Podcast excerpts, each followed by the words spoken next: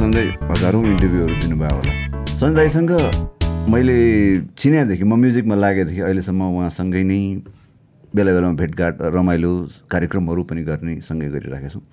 स्वागत गरिहालौँ। Sanjay welcome to my podcast welcome thank you? एउटा यस्तो व्यक्ति यस्तो साथी जसलाई कि मैले पहिल्यैदेखि नै दाई दाई दाई तपाईँले पनि दाई मैले पनि दाई है।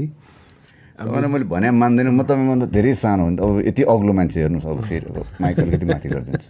आरामसँग के अरे अब साँच्चै पनि हो त्यो। अब अन्तर्वार्ता साँच्चै पनि धेरै पनि दियो होइन। तर यो आजको जुन यो तपाईँको पडकास्टमा आएर यसरी बोल्नु पाउँदाखेरि अब चाहिँ मलाई रमाइलो त्यो तपाईँको म अरूको पनि हेरिसकेको छु अन्तर्वार्ता पडकास्टहरू। र अब मजा आउँछ एकदम दुई घन्टा डेढ दुई घन्टा चाहिँ रमाइलो हुन्छ भन्ने चाहिँ मलाई कन्फर्म छ। थ्याङ्क यू थ्याङ्क यू तपाईँ मैले थाहा पाएअनुसार जनकपुरमा जन्मिनु भएको। यस जन्मिनु भएको हो नि? अनि काठमाडौँमा कहिले माइग्रेट? यस्तो पहिला हामी बिरगन्जको हो। हाम्रो बिरगन्जबाट आएको मेरो बिरगन्ज है मेरो बुवाको चाहिँ अब जबको सिलसिलामा कहिले कहाँ सरुवा कहिले कहाँ सरुवा अनि म चाहिँ मेरो फुपू ठुल्बा फुपूहरूको घरमा जनकपुरमा म जन्मेको। जनकपुरमा जन्मेँ अनि त्यसपछि अब बसाइ सराई अब बुवाको यतापट्टि जब भएपछि भयो यहाँ कति सड- सडचालिस वर्ष पैँतालिस सडचालिस वर्ष भइसक्यो काठमाडौँ आएको। काठमाडौँमा आएर क्षेत्रपाटीमा बाह्र वर्ष बसेको। सुनेको थिएँ। अनि? अनि त्यसपछि अनि आफ्नै घर यता लैन्चरमा बसी लैन्चर बसेको पनि भइसक्यो अहिले। धेरै वर्ष भइसक्यो। चालिस वर्ष भयो होला पैँतिस वर्ष। पैँतिस चालिस वर्ष भइसक्यो। जन्मेको त्यो क्षेत्रपाटीका कति साथीहरूले तपाईँलाई चिनेको रहेछ कि गफ गरेको भेटेको सबैले चिनेछ मलाई अचम्म लागिरहेको कि किनभने म पनि त्यहीँ वरिपरि गयो अँ। मेरो नरदेवी हो अनि क्षेत्रपाटीमा त म झन् त्यो पहिला तपाईँलाई याद छ चाक्ला दबु पुस्तकालय क्षेत्रपाटीको पार्टी त्यो चाहिँ थाहा छैन पार्टी चाहिँ थाहा छ। त्यहाँ चाहिँ चाक्ला दबु पुस्तकालय भन्नाले वर्षमा छ महिनामा होइन हरेक दसैँ तिहारमा कार्यक्रम गर्थ्यो क्या। त्यहाँ प्रेम अवतारी दाई। मदन कृष्ण दाईहरू आउनुहुन्थ्यो प्रेम अवतारी दाई डबली। होइन त्यो अभियसली अनि सुनिन्थ्यो उज्जवल मैनाली दाई मेरो छिमेकमै दाई तयब शाह दाई अनि उहाँहरू गीत गाउने अनि त्यो जानी नजानिकन म म्युजिकपट्टि चाहिँ त्यति बेलादेखि अलिकति इन्ट्रेस्टेड भएर अलिकति प्रभावित चाहिँ भइसकेको रहेछु कि मलाई मलाई इन्ट्रेस्ट चाहिँ त्यति बेलादेखि जाग्या हो क्षेत्रपाटीमा मेरो धेरै त्यो बाल्यकालको संस्मरणहरू धेरै छ त्यसपछि पनि म काठ अ, के अरे लैन्चर बसे पनि मैले नौ वर्षसम्म ट्राभल लाइनको जुन काम गरेँ क्षेत्रपाटीमै हो। जेपी स्कुलको तलपट्टि मेरो अफिस थियो। र क्षेत्रपाटीमा मेरो थुप्रो साथीहरू अहिले पनि छन् है अम, छन्। त्यहाँ पुग्दाखेरि म जहिले पनि हेर्छु आफू पहिला बसेको घरलाई। रमाइलो लाग्छ आफू। जनकपुर जाँदाखेरि जस्तो मलाई रमाइलो हुन्छ नि वीरगञ्ज जनकपुर। क्षेत्रपाटी जाँदा पनि त्यस्तै। क्षेत्रपाटीको ब्यु ब्युटी पनि त्यस्तै छ कि? अहिले पनि झन्डै झन्डै पहिला पहिलाकै जस्तो कि? न त सबैतिर चेन्ज चेन्ज एकदम भइसक्यो त्यो डबली जस्ता तस्तै छ कि? अझै पनि चिजहरू त्यति बेला चाहिँ डबली बाहिर तलपट्टि त्यो हजामहरू बस्थ्यो कि? कपाल काट्न त्यहीँ पहिला। अब थिएन सेलुनहरू एउटा ऐना लिएर बस्ने लिएर होइन बस्ने है। अनि त्यहाँ क्षेत्रबारीमा एउटा जेपीतिर आउँदाखेरि एउटा पिपल बोर्ड पनि थियो। त्यो अहिले पनि त्यो पिपल मलाई लाग्छ? अहिले छैन। छैन छैन। टर्निङमा त्यही सँगै टर्निङ। एउटा दुध बेच्ने ठाउँ पनि थियो क्या एउटा। सानो पार्टी जस्तो थियो। त्यहाँबाट दुध लिनु पर्थ्यो। सबै याद छ मलाई। दाइको स्कुल कहाँ थियो? मैले सुनेको त बुढानी कण्ठ होइन। त्योभन्दा अगाडि कि पहिला अब त्यो एक वर्ष चाहिँ म एउटा त्यो मोन्टेश्वरी जस्तो भनौँ न। त्यो सरस्वती स्कुल क्षेत्रबाट पनि पढेँ। सरस्वती स्कुल। त्यसपछि नर्सरीदेखि म क्लास सेभेनसम्म लैचुरको आदर्श योगहरूमा पढेँ अनि क्लास एटदेखि टेनसम्म चाहिँ बनस्थली बनस् ए एटदेखि टेन बनस्थली अनि बुढानी कण्ठ? वर्णन गर्न त घुम्न जाने मात्र घुम्न जाने मात्रै मैले सुनेको अनि तपाईँको क्राउन प्रिन्स पारससँग पनि तपाईँ नजिक हुनुहुन्थ्यो अरे पहिल्यैदेखि नै कि पछि मात्र? होइन क्राउन प्रिन्स त्यति बेला तत्कालीन युवराज दिपेन्द्र दिपेन्द्रसँग sorry, युवराज दिपेन्द्र। सरकारसँग। उहाँ। पनि म्युजिकमा एकदमै इन्ट्रेस्टेड थाहा भएको कुरा हो। अनि मलाई याद छ त्यो बुढानी कण्ठको सो हुँदाखेरि हामीले एकाडेमीमा सो गर्दाखेरि मैले माया मेरी माया दुईचोटि गाउनु पर्थ्यो। एकचोटि पर्दा खोल्ने बित्तिकै बित्तिकै। त्यो त पहिल्यैदेखि तपाईँले। बिचमा फेरि गाउनु पर्थ्यो र अनि युवराज दिपेन्द्रले त्यति बेला अनि सुबहादुर दाईको थ्रुबाट मलाई एउटा लिरिक्स पनि पठाउनु भएको थियो। त्यो गीत मैले सुबहादुर दाईको सङ्गीतमा मैले गाएँ पनि तर त्यस्तै परे भवि तपाईँ निकाल्न पाइएन। तर अब अहिले समय सापेक्ष अहिले समय त्यसको लागि चाहिँ उपयुक्त हुँदैछ। त्यो गीत अब बिस्तारै आउँदैछ। अनि म दिपेन्द्र सरकारसँग चाहिँ त्यति बेलादेखि नै नजिकै थिएँ होइन। अनि के अरे अब अहिलेको हाम्रो युवराज पारस चाहिँ म्युजिकल्ली अब त्यो यता उहाँलाई पनि म्युजिकमा इन्ट्रेस्ट छ। उहाँ आफ्नै सुरमा हिँड्ने तर म्युजिकमा चाहिँ उहाँको इन्ट्रेस्ट छ है। त त्यो कारणले पनि एउटा म्युजिक लभर भएको हिसाबले पनि उहाँसँग पनि भेटघाट भइरहेको छ। हामी तपाईँ हाम्रो भेटघाट भइसक्यो नि कतिचोटि होइन? अँ, धेरै सँगै हामी भेटेका छौँ। अन्त तपाईँको स्ट्रगलको समयको यसो हल्का फुल्का सर्टकटमा सुनाउनुहोस् न। कति मिहिनेत गर्नु पऱ्यो मैले सुन्थेँ कि त्यो एउटा बच्चा जन्मिनको लागि नौ महिना लाग्छ भन्ने सुन्थेँ नि। मैले मेरो स्ट्रगलमा मैले नौ महिनाको त्यो साँच्चै नै एउटा त्यो हामीले आफ्नो एल्बमलाई जन्माउनलाई नौ महिना लाग्यो। एल्बम त रेकर्ड भयो। त्रिचालिस दिनमै शरद गुरुङ दाईकोमा रेकर्डिङ त भयो। तर त्यसलाई निकालिदिने जसले पनि सुन्ने फालिदिने कि त्यति बेला हाम्रो एल्बम। यस्तो पनि गीत हुन्छ। भनेर फालिदिने। यो नाइन्टिन नाइन्टी टूको। नाइन्टी 92 नाइन्टी वानको हाफदेखि सुरु भएको।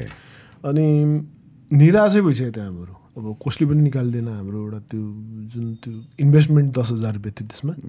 तर पनि हाम्रो एउटा त्यो जुन एउटा इन्ट्रेस्ट थियो एउटा रहर सबैको। टाइम त्यसलाई बाहिर ल्याउने एउटा त्यो के अरे क्रिएसनलाई बाहिर ल्याउने।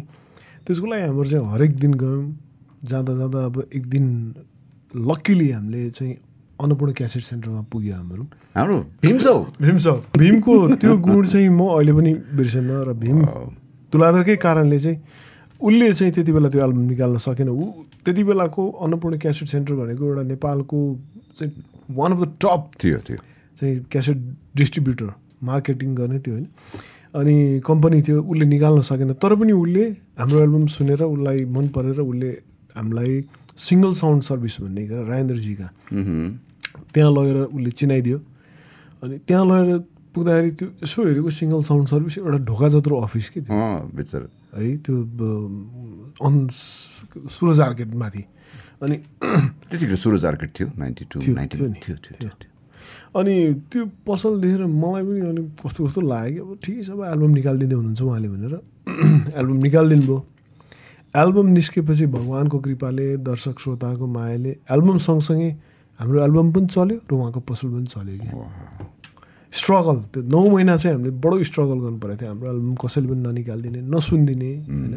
अब गीतै होइन भनिदिने। म रेडियो नेपालमा भोइस टेस्ट फेल भएको म्युजिक नेपालमा भोइस टेस्ट फेल भएको मान्छे। स्ट्रगल त गऱ्यो अनि तपाईँको पपुलर भएको गीत कसेटबाट चाहिँ हाताहात चलेको कि त्यो रेडियो टेलिभिजनमा बढ्यो क्यासेट बढ्यो। हाम्रो गीत के अरे रेडियो टेलिभिजनमा आउनुभन्दा अगाडि नै फोर्टिन थाउजन्ड कपी सेल भइसकेको थियो त्यति बेला। जुन तपाईँले कुरा गर्नुभयो अहिले तपाईँको first album cross road cross रोड्सको नयाँ नयाँ क्रस रोड चाहिँ हाम्रो ग्रुप भयो। नयाँ मोड चाहिँ हाम्रो एल्बम भयो। चौध हजार कपी सेल भएपछि अनि एन नेपाल टेलिभिजनले हाम्रो गीत पहिलोचोटि टेलिकास्ट गर्यो त्यो मुटुलाई भन्ने। कसले बोलायो तपाईँलाई? रोशन प्रताप दाई। रोशन प्रताप दाई अनि हाम्रो के अरे हाम्रै ग्रुपमा विनायक शाह। विनायक शाह विनायक अङ्कल निर शाह पनि हुनुहुन्थ्यो अनि उहाँको उसबाट पनि एउटा गीत दुइटा गीत चाहिँ हाम्रो भयो। माया मेरी माया त्यो मुटुलाई। त्यो टेलिकास्ट भएपछि अनि रेडियो नेपालले पनि फेरि मिरा दिदी हुनुहुन्थ्यो त्यहाँ। त्यसपछि उहाँले पनि भोइस टेस्ट फेरि लिन बोलाउनु भयो र पास पनि भयो रेडियोबाट पनि बज्नु पछि थाल्यो। बज्यो। अनि त्यसपछि त अब ये अहिले तिस वर्षपछि पनि म तपाईँको अगाडि यसरी बसिरहेको छु। पछाडि फर्केर हेर्नै परेन त्यसमा। पछाडि फर्केर कहिलेकाहीँ हेर्छु कपाल मिलाउँछु म। मान्छेले जतिसुकै अगाडि गयो भने मेरो चाहिँ सिद्धान्त के हो भने तपाईँ जतिसुकै उकालो चढ्नुहोस् भर्याङ चढ्नुहोस् तर त्यो भर्याङलाई कहिले पनि नबिर्सनुहोस् कि मैले। किनकि कुनै समय होला तपाईँलाई तल ओर्लिनु पऱ्यो भने त्यही भर्याङकै जरुरी पर्छ। सहायता चाहिन्छ। र म चाहिँ एकदम मेरो सिद्धान्त नै के भने simple to be happy but it's very hard to be simple simple बनेर. बस्ने सिम्प्लिसिटी नै सबभन्दा राम्रो कुरा एकदम सही हो दाइ एकदम सही हो। D minor B flat C C जुन चाहिँ यो मेरो उमेरका र मेरो कन्टेम्पोरेरीका प्राय मानिसहरूको त्यो बेलाको यङ केटाहरूको यो गिटार बजाउँदाखेरि पहिलो पहिलोचोटि बजाउने कोडमा पर्छ। जुन चाहिँ कि माया मेरी माया। जुन तपाईँले अघि भन्नुभयो दुईचोटि तपाईँले त्यो मलाई थाहा छ तपाईँले त्यो मोर देन दुई कहिलेचोटि चार पाँचचोटि पनि गाउनु भएको छ त्यो गीत। र कति त्यसको चाहिँ कतिले गाएको छ कभरहरू पनि निस्किया छ। तपाईँको मैले एल्बम हेर्दाखेरि त्यो माया मेरी माया चाहिँ ए साइडको फर्स्टमा थिएन कि फेरि? थर्डमा थियो। सेकेन्डमा थियो। सेकेन्डमा थर्डमा होइन थर्डमै थियो। त्यो किन फेरि तपाईँलाई म भनिदिउँ अँ एउटा सुनाउनु। के अरे हामीलाई माया मेरी मायाप्रति चाहिँ त्यति आश थिएन। अन्जान मायालु माया मेरी मायाप्रति यसो सुन्यो अब माया मेरी माया हाम्रो मिलन कहिले हुन्छ?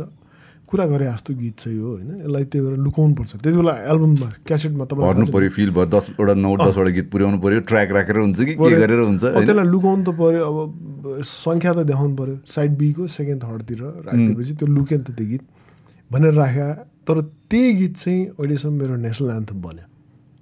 भनेपछि चोइस जुन हामीले कल्पना गरे हुन्छ नि यो चाहिँ हुन्छ है भनेर। त्यो कल्पना कहिले पनि सत्य नहुन सक्दो रहेछ। सबै चिज दर्शक श्रोताकै भरमा पर्ने रहेछ त्यही भएर हामीले लुकाउनु राखेको गीत त्यो नै मेरो इन्ट्रोडक्सन बन्यो भनेपछि कसै कुनै पनि चिज क्रिएसनलाई कम भनेर आँक्न चाहिँ हुन्न रहेछ भन्ने। एकदम ठिक। अनि सञ्जय तपाईँको कन्सर्टहरू जुन छ नि पहिला पहिला सुरु सुरुवातमा कन्सर्टमा तपाईँको ब्यान्ड मेम्बर चाहिँ थियो कि म्युजिसियनहरू अरू अरू म्युजिक मेन अहिले चल चल- चलन चल्तीका म्युजिसियनहरू तपाईँ हायर गर्नुहुन्थ्यो? मैले मेरो आफ्नो क्रस रोड्सको साथीहरूसँग दुई तिनवटा मात्र कन्सर्ट गर्नु बिहान। नाइन्टी टूमा एल्बम निस्किने बित्तिकै भूषण खनालहरू विनायक शाहहरू सबै विदेश गए। त्यसपछि शरद मात्र थियो। अनि दुई चारवटा कन्सर्ट चाहिँ शरदसँग गर्न पाएँ मैले। अनि नाइन्टी थ्रीदेखि चाहिँ नाइन्टी नाइन्टी थ्री नाइन्टी फोरको हाराहारीतिर आउँदाखेरि हजुर। अ, फेरि अब अहिलेकै अहिलेकै हाम्रो त्यति बेलाको तत्कालीन हाम्रो म्युजिसियन साथीहरूसँग गर्नु पऱ्यो मैले। मेरो आफ्नो कन्सर्ट चाहिँ मैले मेरो आफ्नो ग्रुपसँग एक दुईवटा मात्रै धेरै गर्नु पाइनँ। दाइ यसो चिसो। गर्मी- चिसो गर्मी मलाई छ। मात्रै हो? गर्मी छ। म तातो खान्छु दाइ म चिया खान्छु। यसैलाई उमालेर खायो राम्रो आइडिया राम्रो राम्रो। सञ्जय दाइ फेरि मैले चिनेदेखि उहाँले यस्तै जिस्किने जे- खालि जोक गर्ने अहिलेसम्म पनि त्यस्तै छ। होइन जोक नहरिकन बस्यो भने त हाम्रो सन्यासी भइहाल्यो जनकपुरमा जोक गरेर त कहिले पनि बिर्सेन भन्ने लायक अहिले गफ गर्ने लागेकै छैन। पछि गफ गर्नु लागेको छ यहाँ गर्नु हुँदैन। कन्सर्टहरू तपाईँले कति कहाँ कहाँ गर्नुभयो है नेपालमा? तपाईँले मलाई लाग्छ तपाईँ नपुग्नु भएको कुनै ठाउँै छैन कि जस्तो लाग्छ मलाई? होइन छ धेरै छ नि। म जस्तो पश्चिममा म पुगेको भनेको नेपालगञ्ज र अनि प्युठान मात्र हो। मेन त्यही हो। त्योभन्दा उ- उता दाङहरू कतिवटा छ। म गएको छैन है। मेचीबाट महाकाली भन्नाले अब अरू त्यो दाङ ने, ने दाङहरू धनगढीहरू चाहिँ म गएको छैन।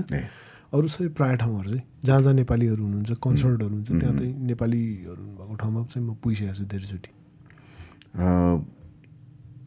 त्यो बेलाको पुरानो कन्सर्ट सम्झिनु पर्दाखेरि अहिलेकोसँग कम्पेयर गर्दाखेरि के फरक पाउनुहुन्छ? साउन्ड सिस्टममै मात्र हो कि अडियन्स पनि या चाहिँ त्योसँग तुलना गर्ने भने टेक्निकली चाहिँ अहिले हाई होइन? अहिले चाहिँ हाई छ। हामीसँग लाइट साउन्डहरू फेसिलिटिजहरू धेरै छ। तर जुन अडियन्सको हिसाब छ नि अडियन्समा आउने होइन? टिकट किनेर आउने अडियन्सहरू। अब अहिले त फ्री हो। तपाईँ फ्री भन्नुहोस् तै पनि आउँदैन मान्छेहरू होइन। त्यति बेला टिकट ब्ल्याक हुन्थ्यो। तपाईँलाई पनि ओहो। स- सम्झना होला कतिपय ठाउँमा होइन? पोखरा काठमाडौँमा टिकट ब्ल्याक हुन्थ्यो।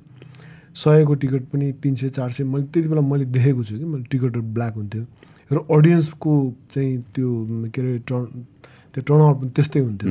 है टिकटै काटेर भयो भने त्यो त्यही तरिकाले अडियन्सहरू आउने। र त्यसलाई एउटा रमाइलो तरिकाले उनीहरूले के अरे गाउने होइन? र त्यसमा भाग लिने आर्टिस्टहरूलाई एउटा चेयर अप चेयर गर्ने है? त्यो त्यो चिज अहिले म भेट्दिनँ। त्यो चाहिँ रियल कन्सर्टहरू हो अहिले चाहिँ अब कस्तो कन्सर्ट भयो भने अहिले अब हामी आफै पनि गर्छौँ नि। अहिले त अब कन्सर्ट भन्ने बित्तिकै तपाईँको के अरे डिस्कोमा बारमा मात्र सीमित भयो कि अहिले अब। कोही खाइरहेको हुन्छन् होइन? हामी गाइरहेको हुन्छौँ। अब त्यतिमै सीमित भयो। एउटा कन्सर्टको लागि छुट्टै एउटा कुनै पनि अडिटोरियम भएन। एउटा बिआइसिसी भएको पनि बिआइसिसी थियो त्यो पनि लगिदियो है। रोयल नेपाल एकाडेमी थियो त्यो त्यहाँ पनि अब कुर्सी भाँचामाच हुन थाल्यो त्यो पनि बन्द भयो। अर्को कुनै ठाउँै छैन हाम्रो लागि एउटा अडिटोरियम जुन हुनुपर्छ कन्सर्टको लागि प्रपर। होइन त्यो छैन हामीसँग त्यसको अभाव छ।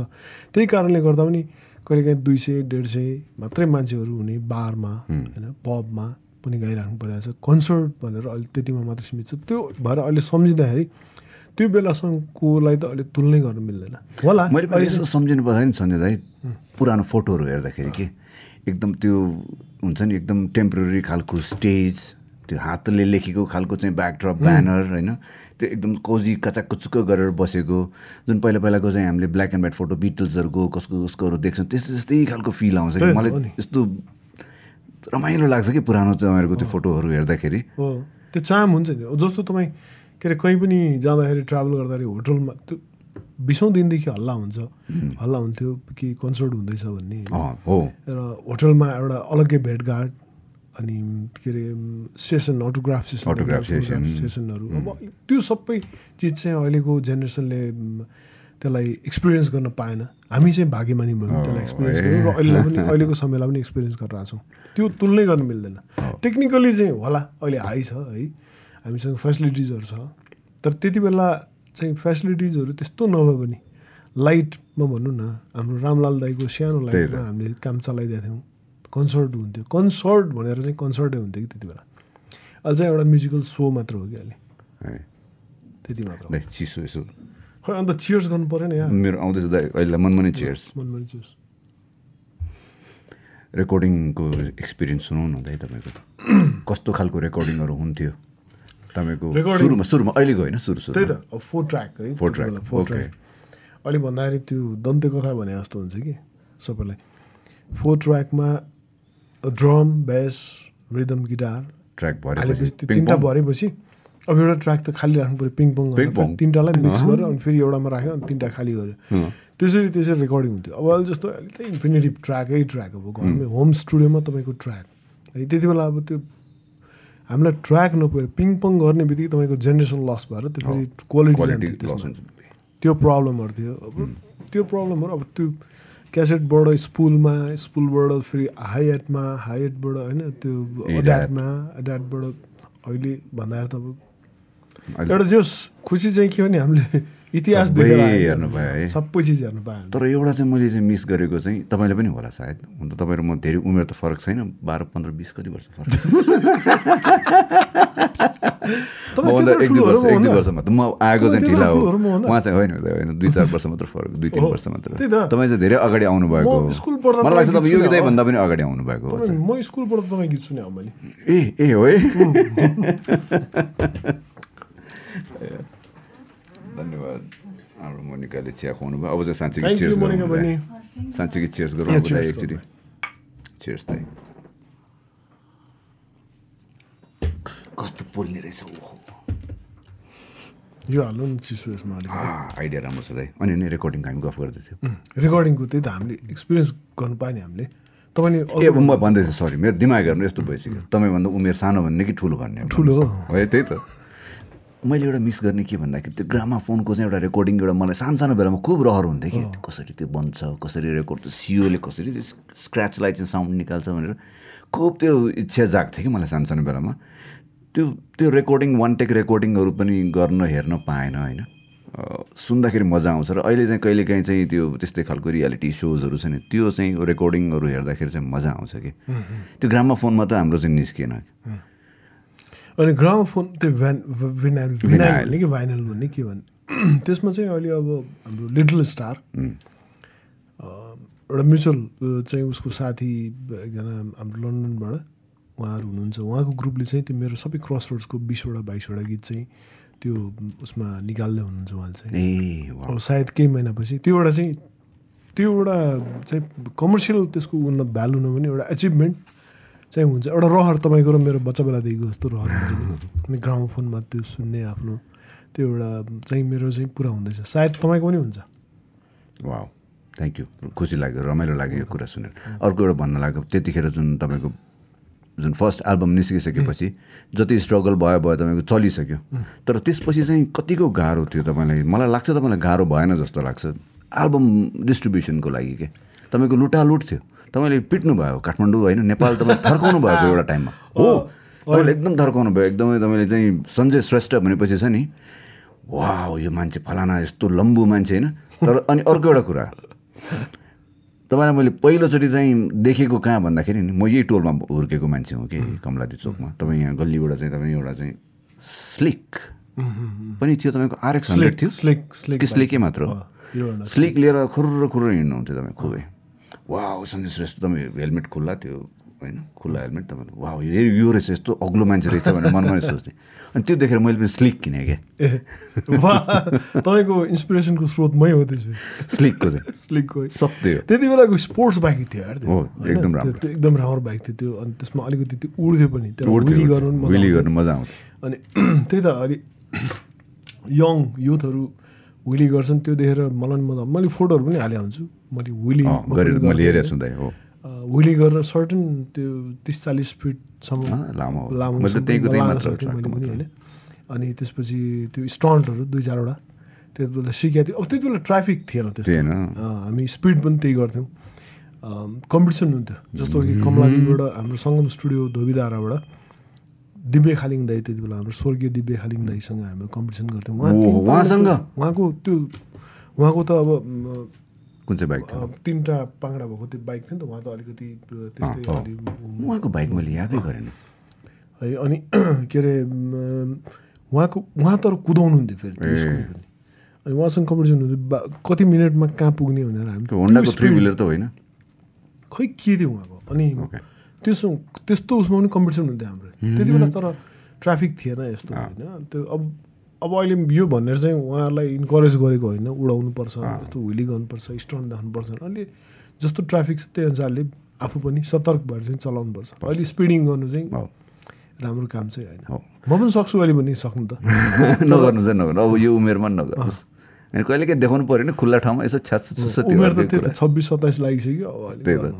आइसीमा नि त होइन त्यसलाई चाहिँ वान पोइन्ट सिक्स गरेर पनि ठ्याक्कै निस्किन्छ अरे। होइन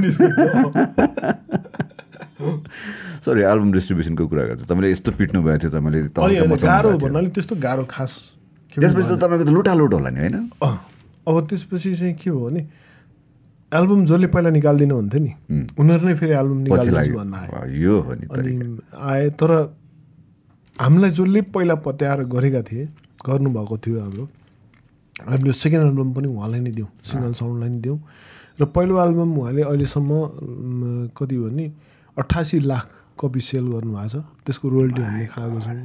के अरे अठासी लाख भन्नु के अरे अठार लाख सेल गर्नुभएको छ। अठासी लाख ठुलो हो नि Oh अनि त्यसपछि सेकेन्ड एल्बम चाहिँ उहाँले चौध लाख कपी सेल गर्नुभयो। त्यसको रोयल्टी हामीलाई कहिलेकाहीँ अहिले पनि फोन गरेर दिनुहुन्छ ए अहिले पनि। अनि थर्ड एल्बम चाहिँ त्यसपछि हाम्रो प्रवेश मान दाईले त्यस मेलोडी टाइम पहिलो पटक चाहिँ नेपालमा पनि कपिराइटै किन्ने भयो होइन एल्बमै किन्ने चाहिँ भयो उहाँले किन्नुभयो। ए। एउटा लङ टर्म दस बाह्र वर्षको लागि किन्नुभयो उहाँले। उहाँले निकाल्नु फोर्थ एल्बम त्यस्तै अब सान्टाना रेकर्डले किन्यो। फिफ्थ एल्बम चाहिँ चन्द्रप्रकाश शर्मा भन्ने। चन्द्रप्रकाश है। मुनलाइट त्यसपछि सिक्स मैले के अरे रियाजलाई दिएँ। अब अब एल्बम भन्ने जमाना गइसक्यो होइन। त्यही भएर तर हामीले एल्बम जमाना जाने चाहिँ गर्नु हुँदैन जस्तो लाग्छ। एल्बम चाहिँ गर्नुपर्छ जस्तो लाग्छ। बरु सिङ्गल ट्र्याक रिलिज गर्ने। सोलो ट्र्याकहरू चाहिँ एल्बमको नाम राखेर त्यो एल्बमभित्रमा चाहिँ यो यो हाम्रो गीत पार्ने भनेर त्यसरी गर्नुपर्छ जस्तो लाग्छ। अब अहिले चाहिँ मेरो एल्बमको नाम थ्याङ्क गड इट्स फ्राइडे भन्ने छ। गीतहरू चाहिँ होइन गरिरहनु पनि भएको छ। होइन कतिवटा गीत त निस्किसक्यो नि। निस्किएको छैन। ए, एउटा पनि निस्किएको छैन? एउटा अब निकाल्छु भने मेरो अहिले छेपारो उखान जस्तो भइसक्यो। अँ, त्यो चाहिँ अब यो उमेरमा यस्तै हो दाइ मैले भनेको चाहिँ म पनि त्यस्तै छु। तपाईँलाई मात्र दोष दिए होइन मैले। यो बच्चा बेलामा यस्तै हो। बच्चालाई पनि यस्तै बचपना यस्तै हो। होइन अन्त तपाईँको म कन्टेम्पोरेरीको यसो गफ गर्नु मन लागेको मलाई याद भए अनुसार तपाईँ तपाईँ चलिराखेको बेलामा चाहिँ भीम तुलाधर चलिसकेको थियो जस्तो लाग्छ भीम दाई सिनियर हो मेरो सिनियर। सिनियर है अनि सुनिल उप्रेती दाई नि ए उहाँ त झन् सिनियर उहाँ पनि सिनियर हो हरिश दाई पनि सिनियर हो। प्रवेश मान दाई प्रवेश दाई त थियो। अरू को थियो कन्टेम्पोरेरी तपाईँसँग दाई? जुन कि तपाईँहरू चाहिँ प्रायः कन्सर्टहरूमा सँगै हुनुहुन्थ्यो र चाहिँ तपाईँहरूले चाहिँ मिलेर चाहिँ पनि के के गरिरहनु हुन्थ्यो बेला बेलामा?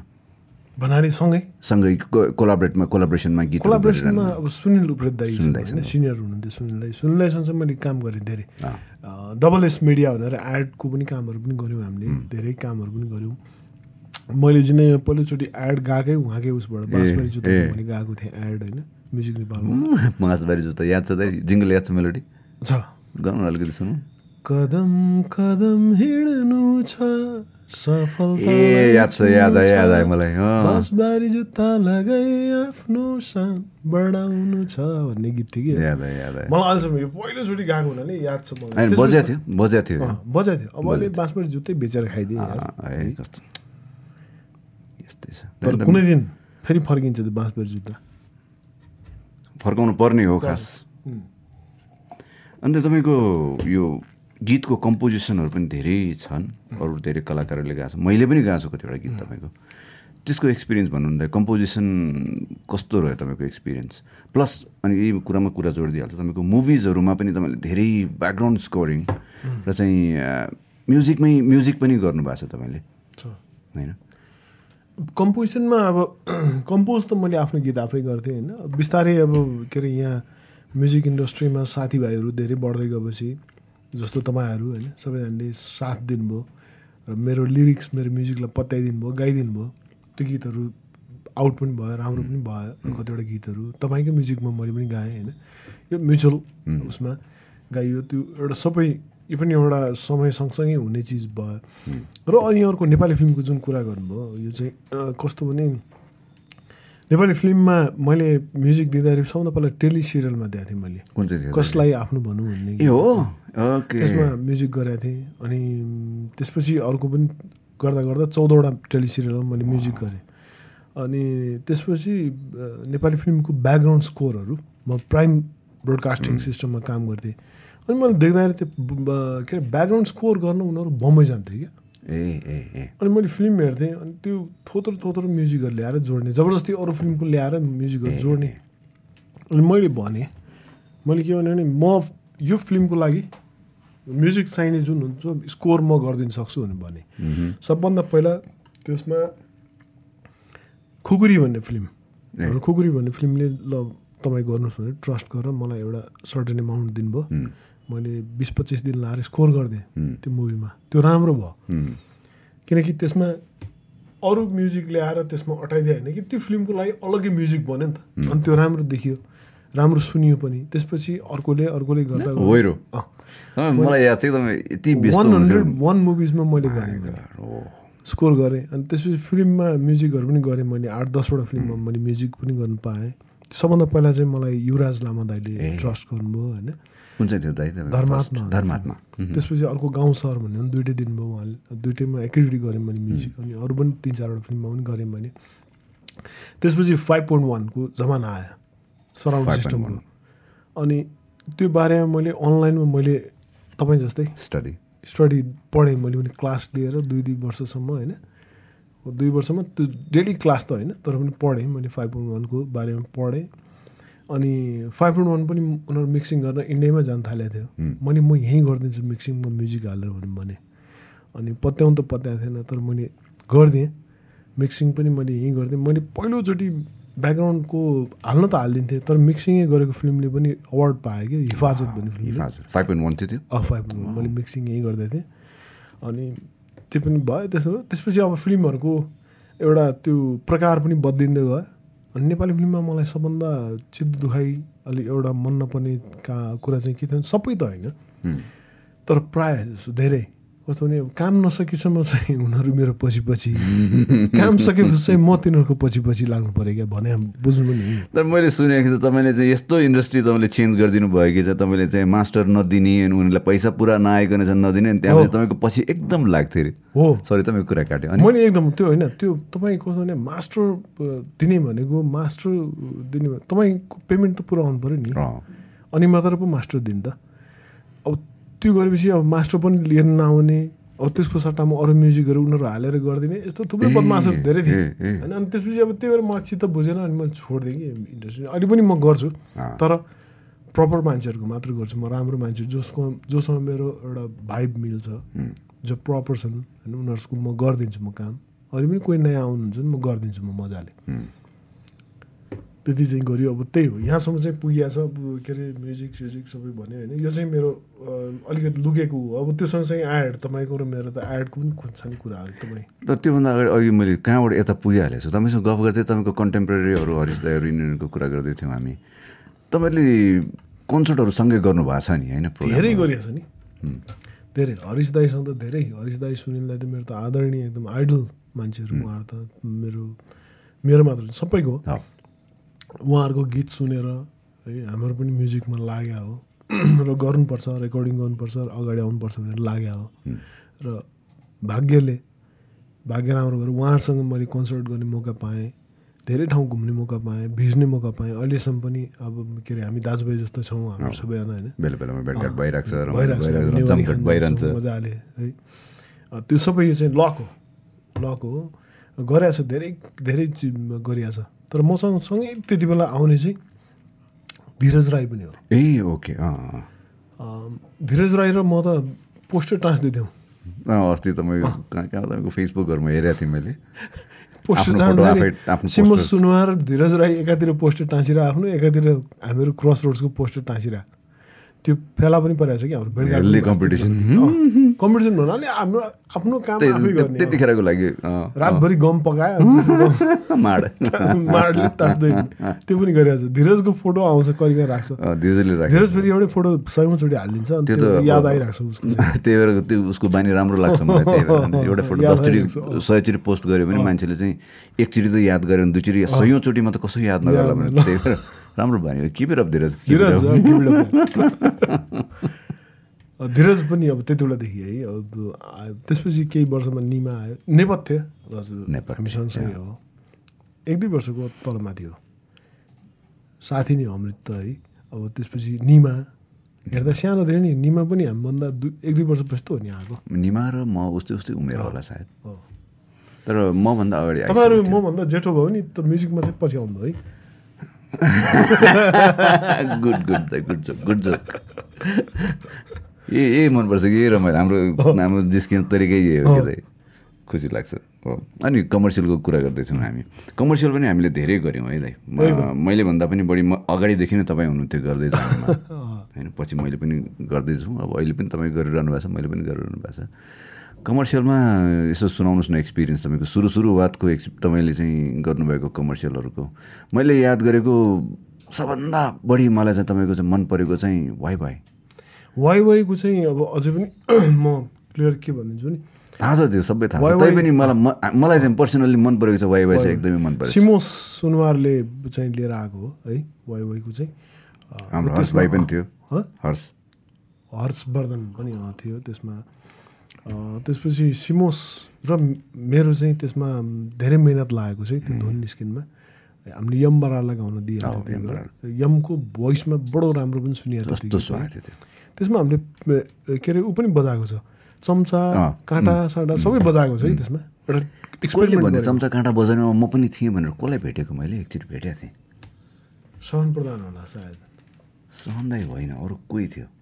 सम्झ्यो भने भन्छु। एकजना भेटेको थिएँ मैले। चम्चा काँटा बजाउनेमा थिएँ नि भनेर त्यसरी। हो। त्यो त्यो चाहिँ सुरुवात सुरुवातको बेलाको एडहरू कि त्यसपछि वाइ वाइको त अब धेरै गरियो त्यसपछि होइन। त्यति बेला एडमा पनि हामीले त्यस्तो मिहिनेत गरेर गर्थ्यौँ। अझै मलाई याद छ हामीले एकचोटि अ, के अरे नेपाल टेलिकमको। एउटा त्यो नाइट उसको कलको के को एड गरेको थियौँ कि हामीले भिजुअल एउटा बनाएको थियो। त्यसको ब्याकग्राउन्ड स्कोर गर्नुपर्ने अब अहिले जस्तो कम्प्युटरमा इन गरेर त्यही म्युजिक त्यो गर्ने त्यो जमाना थिएन। थिएन। अनि हामीले पुतल सडकको पहिला सान्टाना भएको ठाउँमा अर्को नि स्टुडियो थियो नि होइन। त्यो दाईहरूको स्टुडियो थियो। के थियो त्यहाँ। जस त्यो स्टुडियोमा सुनिल उप्रेत दाई र म बसेर रातभरि।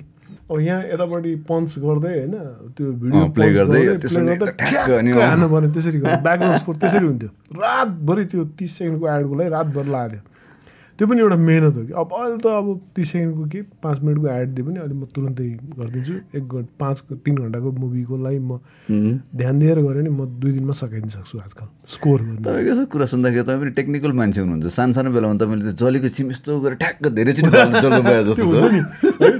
त्यो चिम पनि जल्दाखेरि यसो झर्दा यसो जुदाइदियो भने बल्छ नि त्यही त्यो जमाना त्यो झरिसकेपछि चाहिँ द्याट त काम छैन काम छैन। चिम भनेको मलाई चिमसाउ याद आउँछ जहिले पनि। तपाईँले फोन गर्नुभएछ चिमसाउलाई? जमाना भाइ धेरैचोटि गरेको अस्ति मैले त्यो भीमदाईसँग पोडकास्ट गर्दाखेरि पनि मैले गफ गरेको थिएँ कि तपाईँले चिमसाउ चिन्नुहुन्छ। चिन्छु नि त्यसलाई कति फोन गर्थ्यौँ हामी भनेर यही विषयको गफ गर्थ्यो कि अनि प्रायः चाहिँ अनि अनि चिम सौ भनेर साँच्ची पनि अब यो संजोग पऱ्यो भने त्यही सम्बन्धित चिमसाउले सुन्नुभयो भने चाहिँ हामीलाई गाडी नगर्नु होला है? तपाईँलाई हामीले पनि फोन गर्थ्यौँ त्यति बेला। त्यति बेला फोन गर्थ्यौँ र त्यति बेलाको तपाईँको गाली सुनेर रमाइलो गर्नेमा हामी पनि थियौँ। जेम्स दाई पनि हुनुहुन्थ्यो मलाई चाहिँ कस्तो गराउँथ्यो भन्दाखेरि नि एक दुई एकचोटि दुईचोटि मात्र हो। अनि मैले पनि एक दुईचोटि अरूलाई गराएँ सबभन्दा पहिला चाहिँ चिम्सोलाई मागेर भनेर दिने कि डाइल गरेर होइन अनि मैले मैले दिने चिम्सो अनि यस्तो मुख छाडेर ल्याउने। अनि रिसारी छ हाम्रो यताबाट दोहोरो वार हुने कि अनि आ त यहाँ आइज यहाँ आइज थनवा थनवा भनेर चाहिँ नि कहाँ कहाँ कहाँ कहाँ भनेर कडाका राख्थ्यो त्यसपछि जान्थ्यो जाने एउटा अहिले सम्झिँदाखेरि त्यो बच्चा बेलाको त्यो के है त्यो रहर पनि के? त्यो त्यो उहाँले गाली गरेको चाहिँ हामीलाई किन सुन्न मन लाग्यो अथवा उसलाई किन रिस उठाएको होला हामीले? र उहाँलाई किन रिस उठ्यो होला त्यो त्यो चिम्छौ भन्दाखेरि? एकदम पपुलर थियो अरे। जसले पनि गर्थ्यो कि? सञ्जय मलाई याद भएअनुसार हामीले विगत पाँच सात वर्ष चार पाँच वर्षदेखि धेरै हामीले कन्सर्ट्सहरू सँगै गऱ्यौँ हामी होइन? बबिन दाई तपाईँ म भीम दाई। सबभन्दा पहिला हामीले गरेको ओम दाईको किडनीको चाहिँ च्यारिटी प्रोग्राम गरेको थियो। त्यहाँबाट हामीले कन्टिन्यू सुरु गरेको। याद छ तपाईँलाई। अनि त्योभन्दा अगाडि फाटफुट फाट त गरिरहेको थियो। तर तपाईँ एक्टिभ भएर चाहिँ अब प्रोग्रामहरू अलिअलि गर्नु पऱ्यो भनेर एकदमै गरिरहनु भएको थियो। हामीले गरेका थियौँ। मलाई त याद छ तपाईँलाई याद छ कि छैन? फर्स्ट हामीले गरेको ओम याद दाईको हो नि। याद छ ओम दाईको लागि हामीले गऱ्यौँ दुई तिनवटै गऱ्यौँ हामीले। ओम हो ए हो दुई तिनवटा दुई तिनवटा गऱ्यौँ। गऱ्यौँ। त्यसपछि अनि यही चिजलाई कन्टिन्यू गरौँ भनेर हामीले धेरै कन्सर्टहरू गऱ्यौँ। नेपाल नेपालको थुप्रै ठाउँहरूमा हामीले गऱ्यौँ। र अहिले अब केही चिजले गर्दा अडि अड्किरा मात्र हो तर फेरि हुन्छ। त्यो एउटा चाहिँ हाम्रो जुन त्यो पहिलादेखिको मित्रता होइन त्यसलाई कन्टिन्युटी हो यो चाहिँ। तपाईँ सोसियल मिडियामा तपाईँ एकदमै एक्टिभ हुनुहुन्छ भने मलाई चाहिँ अचम्म लाग्छ कि कसरी तपाईँले समय निकाल्न सक्नुहुन्छ? मलाई त के हुन्छ भन्दाखेरि नि यो फेसबुक भने खेल्नै नपरोस् आफूलाई चाहेको बेलामा त टक्क पोस्ट गरौँ त्यहाँपछि चुप्प लाएर बसौँ जस्तो लाग्छ कि। तपाईँलाई पोलिटिक्सतिर त्यति इन्ट्रेस्ट छैन नि त्यही भएर? पोलिटिक्सको गफ त अहिले गर्नु बाँकी नै छ पोलिटिक्सको नामै नलिनुहोस् खास भने पोलिटिक्सको नाम लियो भने मलाई रिङ्गटा लाग्छ कि ओहो। होइन त्यो हुनुहुन्न। त्यो त्यही त त्यो एउटा गलत कुरा हो त्यो चाहिँ हुनु तपाईँको सराउन्डमा चाहिँ तपाईँ सराउन्डेड भएर बस्नु भएको छ कि पोलिटिक्सबाट? तपाईँ आफै पनि यो चाहिँ नि महँगोमा के अरे चिया किनेर खाँदै हुन्छ महँगोमा पेट्रोल भर्दै हुनुहुन्छ महँगोको के अरे खाद्यान्नहरू खाँदै हुनुहुन्छ अनि बाटो हिँड्न अप्ठ्यारो भइरहेको छ। तपाईँ यो सबै किन? It's all because of politics round you होइन?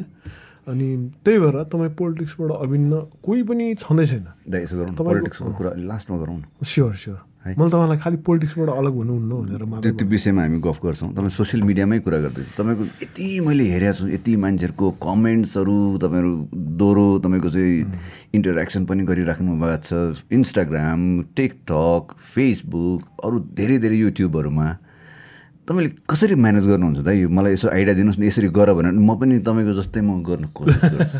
होइन। यो त अरूलाई पनि काम लाग्छ जसले हाम्रो पडकास्ट हेरेर अब होइन मैले कुनै चिज मैले एउटा रेस गरेँ एउटा कुनै कुरा भने होइन? कुनै कुरा अब मैले एउटा सर्टन मेरो आफ्नो भनाइ मैले राखेँ भने। त्यसमा सहमति जनाउनेहरू भन् पनि हुन्छन्। त्यसलाई असहमति जनाउने पनि हुन्छन् हुन्छन्। होइन? असहमति पनि यो मानेमा कि सभ्य भाषामा। सबै भाषामा कसैले म म मेरो भनाइप्रति असहमति राखेर केही भन्छ भने म उसलाई उपयुक्त जवाफ म दिन्छु। र असभ्य भाषामा कसैले जवाफ त्यसमा कमेन्ट गर्छन् म उसलाई त्यही भाषामा पनि जवाफ दिन्छु म। त्यो समय निकाल्न के तपाईँ यसो दाहिने हातले ट्याकट्याक चलाउनु भइहाल्छ त्यो केही पनि छैन। अनि मान्छेहरूसँग त्यसरी इङ्गेज हुनको लागि चाहिँ के गर्नु पर्दो रहेछ? सामाजिक सञ्जाल भनेको चाहिँ तपाईँ सञ्जाल यो सञ्जाल हो होइन? एउटा त्यो माकुराको जाल हो यो। जाल हो भने तपाईँ त्यसमा हाम फाल्नुहोस् त्यसबाट निस्किन त त्यसमा त अलिकति सञ्जालै हो नि त त्यो त। एउटा समय त दिनु पऱ्यो खालि फोटोमा त ठ्यास राख्ने ठाउँ त होइन त्यो? तपाईँ फोटो मात्र ठ्यास। है? आज यहाँ खिचेछ दिमाग त्यो पनि हुन्छ तर सामाजिक सञ्जाल भनेको अहिलेको समयमा एउटा ठुलो क्रान्ति ल्याउने ठाउँ पनि हो कि त्यो। तपाईँको एउटा भनाइले धेरै हलचल ल्या पनि आउन सक्छ। र त्यो हलचल ल्याउने अथवा केही बोल्ने हो भने त्यो बोलेको तपाईँले भन्नुभएको लेख्नुभएकोमा जवाफ पनि दिनु पऱ्यो त्यसको लागि समय त्यति खाँचो त पर्दैन। दिनमा तपाईँले एकै घन्टा डेढै घन्टा दिनु भने केही पनि फरक पर्दैन। म चाहिँ यसो। हेर्छु होइन जवाफ दिनु उपयुक्त चाहिँ म सबै प्रायःको जवाफ दिन्छु म। मलाई यहाँसम्म कि म। मेसेन्जरमा मलाई कसैले नमस्ते गुड मर्निङ भन्नुहुन्छ म हरेकको जवाफ फर्काउँछु म। किनकि उहाँले केही सोचेर म प्रति अब सञ्जय अथवा जेम्स भनेर नि त नमस्ते भन्नुभएको छ गुड मर्निङ भन्नुभएको छ भनेपछि उहाँको प्रति त्यो गुड मर्निङ अभिवादनको बदलामा अभिवादन फर्काउनु तपाईँको पनि कर्तव्य मेरो पनि कर्तव्य। म पनि ध्यानमा राख्छु मैले चाहिँ के रियाक्ट मात्र गर्छु कि म चाहिँ चित्त नदुखोस् भनेर तर रिप्लाई चाहिँ गरिरहन्न रिप्लाई होइन सबै गर्नु जरुरी छैन। तपाईँ एउटा राम्रो कुनै एउटा तपाईँलाई राम्रो कमेन्ट आएको छ नि त्यसको जवाफ त दिनुहोस् तपाईँ। मैले त तपाईँलाई एक्चुली मलाई ऊ विनायक दाईलाई पनि तपाईँले भेटाउनु भएको थियो। अँ। टु बुक सेसन बेला खुसी लागेको थियो। मैले त्यो सुनेको थिएँ एकदमै उहाँको बारेमा। धेरै वर्षपछि विनायकसँग मैले त्यो सँगै गर्न पाइयो त्यो गीत होइन टुबकको हालिटरीमा विनायक त्यहाँ छ। विनायकले नै लिड बजाएको भने मलाई थाहा थिएन। मैले सस्पेन्स राखिरहेको ए। अनि त्यस बेला भेट्न पाएको। धेरै वर्षपछि। त्यसपछि फेरि लागेको थियो त्यो। पनि सञ्जय अरू के छ दाई तपाईँको हालखबर ए एकदम सब ठिक तपाईँलाई म एउटा क्वेसन तपाईँलाई यो पोडकास्ट गर्ने चाहिँ दिमाग कहाँबाट आयो?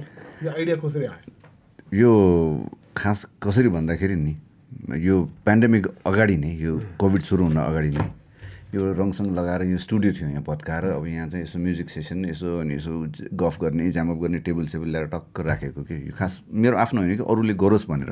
कति डिमान्ड पनि थियो कि? स्टुडियो एउटा चाहियो यस्तो खालको भनेर। त्यो हिसाबले बनाएर राखेको। पछि पेन्डेमिक सुरु भयो कि चल्नु पनि पाएन हेर्न पनि पाएन।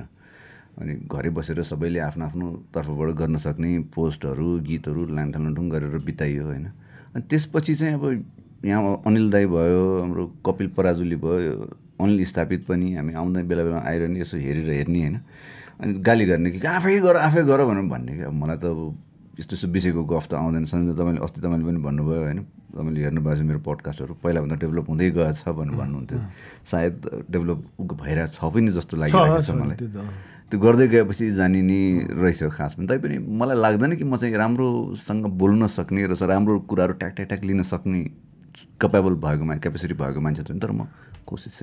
ठिक छ नि ठिक छ यार म एकदमै ठिक छ। म तपाईँलाई यो एउटा चाहिँ म आफू एउटा डिजाइन गरेर गिफ्ट गर्छु म। थ्याङ्क यू दा। मलाई उ गर्नु प्रिन्टमै गर्छु। तपाईँ मलाई त्यो सफ्ट कपी पठाइदिनुहोस् न राम्रो हाई रेजको म प्रिन्ट गर्छु। ओके म तपाईँको त्यहाँ एउटा मजाको का- अरे कार्टुन क्यारेक्टर तपाईँको बनाइदिन्छु अनि त्यसपछि पोडकास्टको यही नै हुन्छ सबै म बनाएर होइन भने सानो दिनुभए पनि हुन्छ म फ्रेम राख्छु नि भनेर अनि ठुलै मेरो मेरो क्रिएसन ठुलै होस् न। हस् हस् हस् हस्। Thank you thank you thank you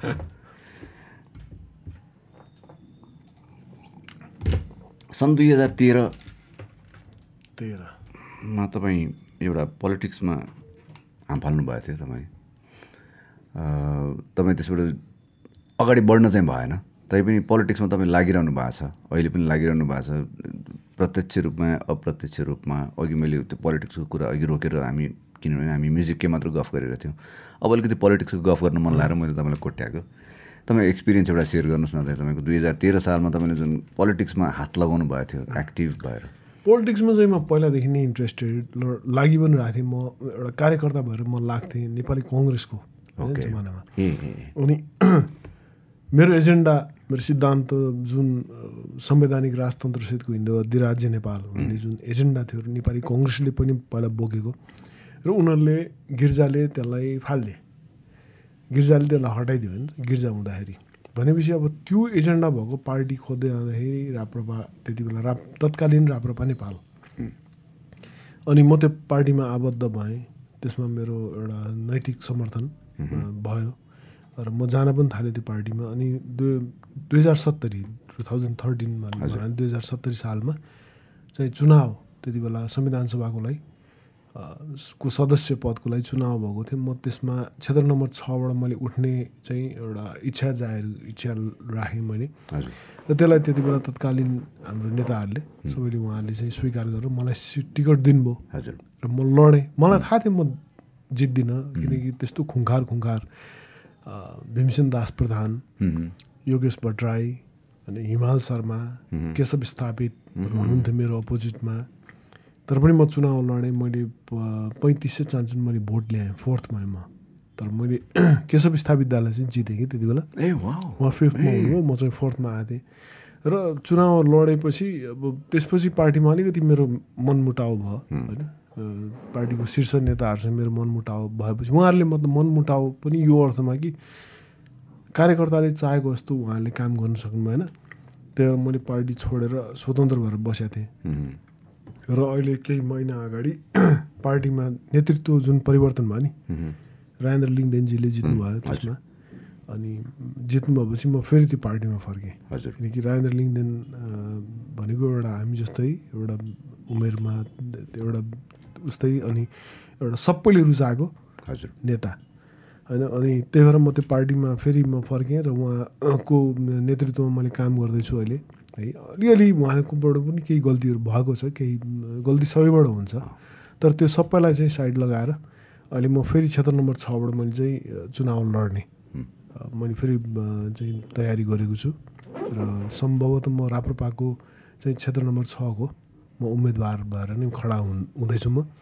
र म लड्दैछु फेरि यसपालि। सबै चुनाव लड्दाखेरि चाहिँ जित्छु नै भनेर लड्छु कि? रिङमा उत्रिँदाखेरि बक्सिङमा अपोनेन्टलाई म ढलाउँछु भनेर उत्रिनु उत्रिने हो नि। तर त्यति एउटा आत्मविश्वास लिएर चाहिँ उत्रि उत्रिँदैछु म। ए पोलिटिक्स भन्नाले अब मेरो चाहिँ अब मेरो लागि चाहिँ पोलिटिक्स चाहिँ यो पेसा होइन यो राजनीति। समाजसेवा हो। त्यही भएर म यो उद्देश्यका सायद आएको छु अब हेर्दैछौँ कहाँ पुग्छु। हामी बेला बेलामा पनि भन्दै थियौँ सञ्जय दाई तपाईँले चाहिँ गरी खान सक्ने मान्छे हो। लड्नु गर्नु भनेर हामीले बेला बेलामा तपाईँलाई उस्काउनु त उस्काइरहेको हुन्छ। हामी ग्रुप साथीभाइहरू त्यो भेटघाट बेलामा। अनि तपाईँ राजाबाट एकदम नजिक हुनुहुन्छ। किङ ज्ञानेन्द्र। होइन राजा राज संस्थाप्रति राजाबाट त कोही पनि टाढा भन्नु मैले मैले भन्नु खोजेँ त्यो होइन दाइ तपाईँ चाहिँ पर्सनल्ली पनि बेला बेलामा भेटिराख्नुहुन्छ। त्यो चाहिँ के? भने ओकेजनमा होस् या जेमा होस्। त्यो त दसैँमा एकदम मजाले लाइन। बसेर तपाईँ हाम्रो सबै लाइन बसेर टिका लाउन जान्छौँ होइन।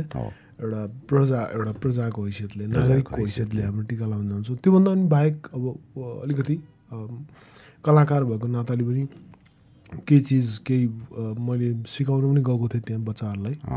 त्यति बेला सत्र अठार दिनको मेरो अनुभव छ राम्रो। अनि राजदरबार राज परिवारको सबैसँग मेरो। एउटा अलिकति अरूको भन्दा एक दुई पोइन्ट बढी चाहिँ मेरो अलिकति नजिक ऊ छ। त्यति चाहिँ मेरो अहभाग्य भनौँ न त्यति चाहिँ छ।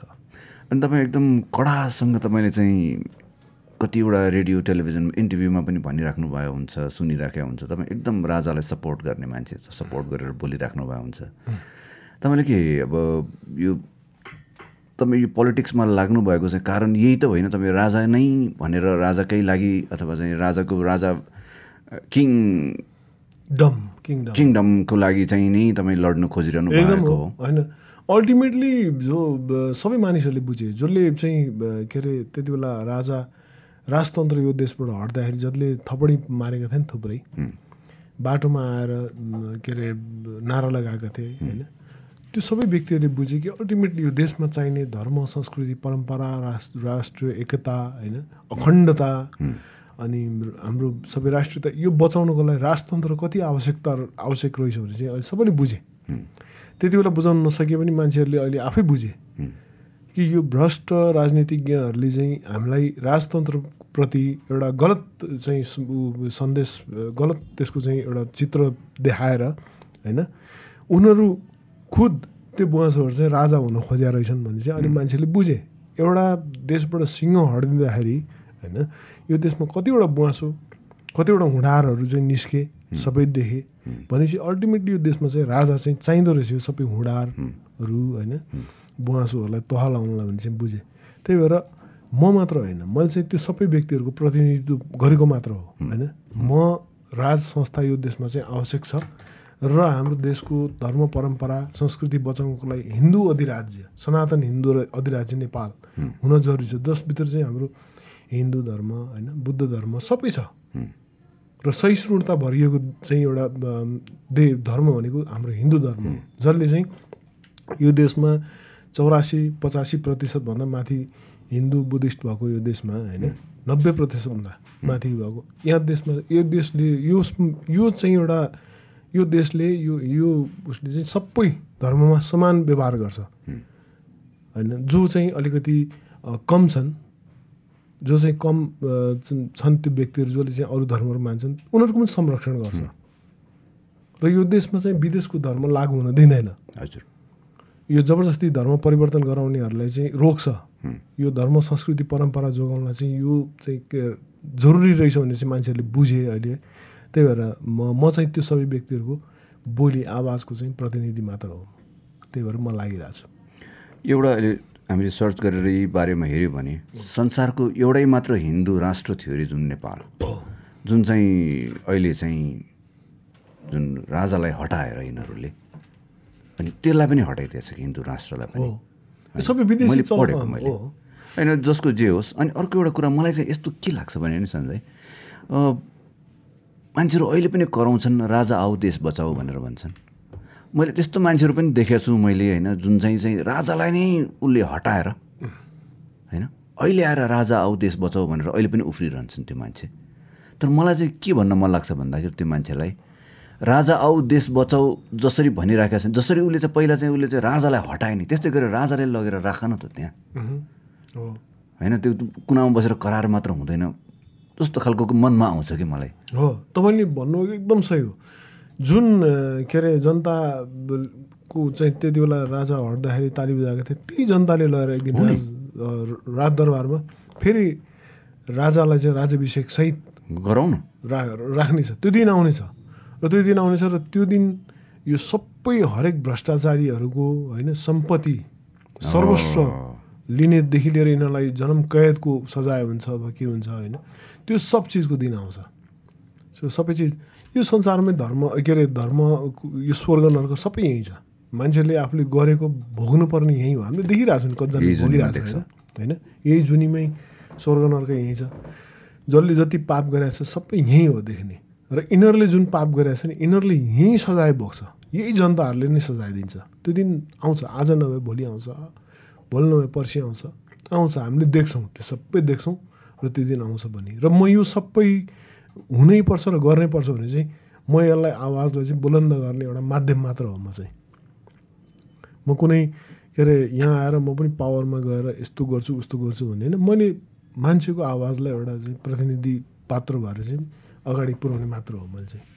तपाईँले भन्नुभएको अनुसार अघि पोलिटिक्स तपाईँको लागि पेसा होइन एउटा समाजसेवा हो। यसपालि तपाईँ क्षेत्र नम्बर छमा उठ्दै हुनुहुन्छ त्यसको लागि तपाईँलाई अग्रिम शुभकामना त. दिइ नै हाल्छु. होइन सधैँ दिइ पनि राख्यो आज पनि दिएँ मैले। प्लान चाहिँ के छ दाइ तपाईँले? अब तपाईँ सपोज तपाईँ त्यहाँबाट उठ्नुभयो अनि जित्नुभयो।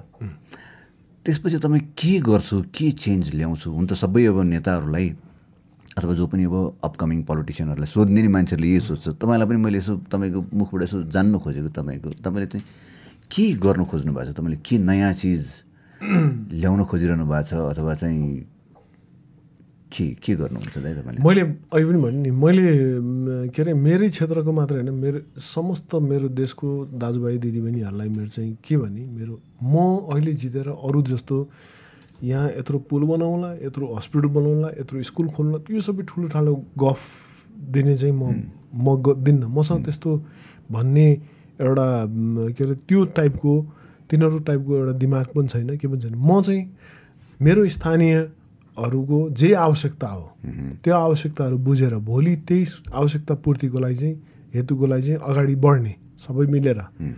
र मेरो चाहिँ सबभन्दा ठुलो नारा चाहिँ के भने शिक्षा स्वास्थ्य। होइन? र रोजगार। मेरो क्षेत्रमा कतिवटा स्कुल कलेज छ म त्यो पत्ता लगाउँदैछु म मेरो क्षेत्रमा कतिवटा अस्पतालहरू छ त्यो होइन कतिवटा प्रहरी चौकीहरू छ म। त्यो पत्ता लगाउँदैछु एउटा सुरक्षाको पनि एउटा त एउटा नीति त हुनु पऱ्यो नि होइन? बाटोघाटो। सबै बाटोघाटो। बाटोघाटो तपाईँ अहिले काठमाडौँमा तपाईँ हाफ किलोमिटर पनि सिधा चलाउन सक्नुहुन्न। कहीँ न कहीँ खाल्टो भेटिहाल्नुहुन्छ। भित्री बाटोहरूमा होइन? त्यो सबै चिजको विकास हुन जरुरी छ त्यो सबै चिजमा। र रोजगार स्वास्थ्य शिक्षा सँगसँगै रोजगार। सबैले स्थानीय स्तरमै रोजगार पायो भने सिर्जना हुन सक्यो भने सकिन्छ कि गऱ्यो भने। सक्यो भने यत्रो विदेशमा गएर खाडी मुलुकमा जो घामको रापमा बसिरहेछन् केही त अलिकति कमी त्यसमा त केही एउटा आफूले योगदान गर्न सकौँ न हरेक क्षेत्रबाट। त्यो पनि मेरो एउटा प्रयास हुनेछ र सबभन्दा ठुलो चाहिँ मेरो मेरो व्यक्तिगत एजेन्डा चाहिँ के भने यो देशमा भ्रष्टाचारी बलात्कारीहरूलाई बिसौँ वर्षसम्म ग- हाम्रो जनताको करको पैसाले त्यो जेलमा पाल्ने नै होइन क्या। मृत्युदण्ड सिधै दिनैपर्छ यो एउटा चाहिँ सजाय चाहिँ कार्यान्वयन हुनैपर्छ भन्ने चाहिँ मेरो माग हो होइन। यो अरू सबै विकासको पूर्वाधार विकासको अरू सबै त्यो नाराहरू म सबै लिएर जान्छु। म देश विकास समस्त देश विकासको चाहिँ मेरो नारा हो। तपाईँको सबै कुराहरू चाहिँ एकदमै राम्रो लाग्यो। तर एउटा कुरा चाहिँ एकदमै डरलाग्दो लाग्यो मलाई। जुन जुन मृत्युदण्ड भन्नुभयो नि त्यो चाहिँ अलिकति डरलाग्दो लाग्यो होइन डरलाग्दो होइन। तपाईँ किन पाल्ने यार? जो अपराधी हो जसले चाहिँ एकदमै जघन्य अपराध गरेको छ त्यो अदालतबाट प्रुफ भइसक्यो थाहा छ यसैले गरेको भने त्यसलाई किन पाल्ने?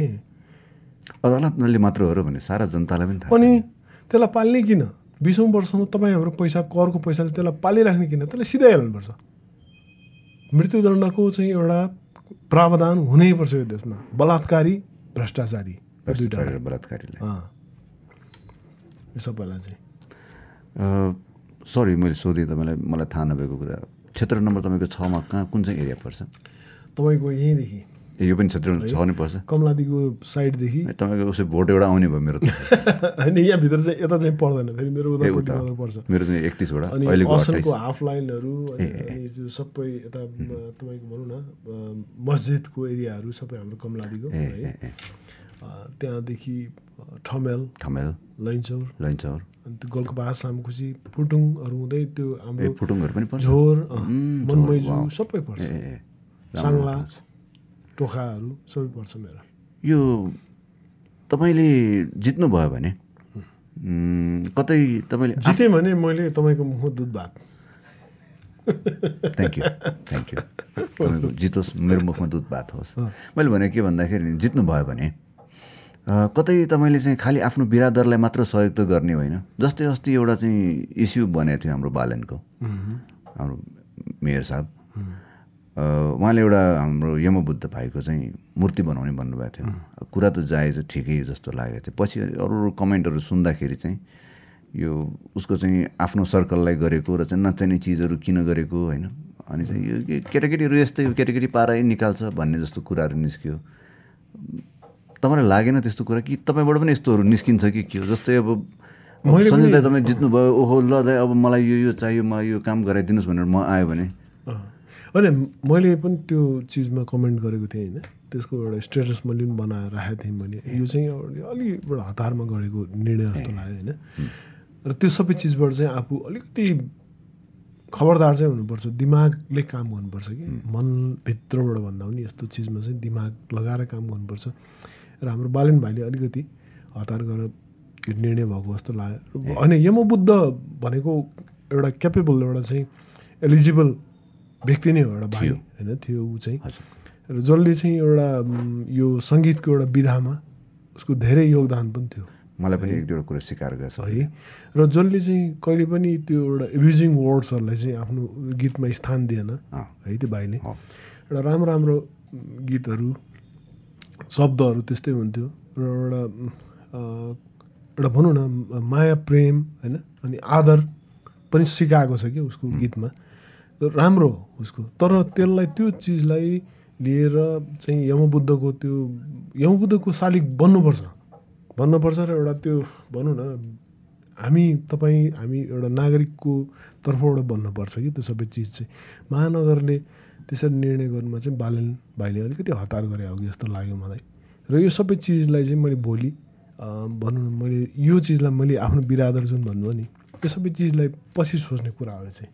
कसको योगदान के थियो भनेर चाहिँ मैले पछि सोच्ने हो। यो सबै मिठो लाग्यो तपाईँको कुरा। यो सबै चिज पछि सोच्ने हो के हुन्छ त्यो म आफूले पनि त्यो विषयको टपिक हेर्दाखेरि कुरा राम्रो गर्यो जस्तो लाग्यो किनभने आफू पनि त्यही बिरादर त्यही क्षेत्रको होइन?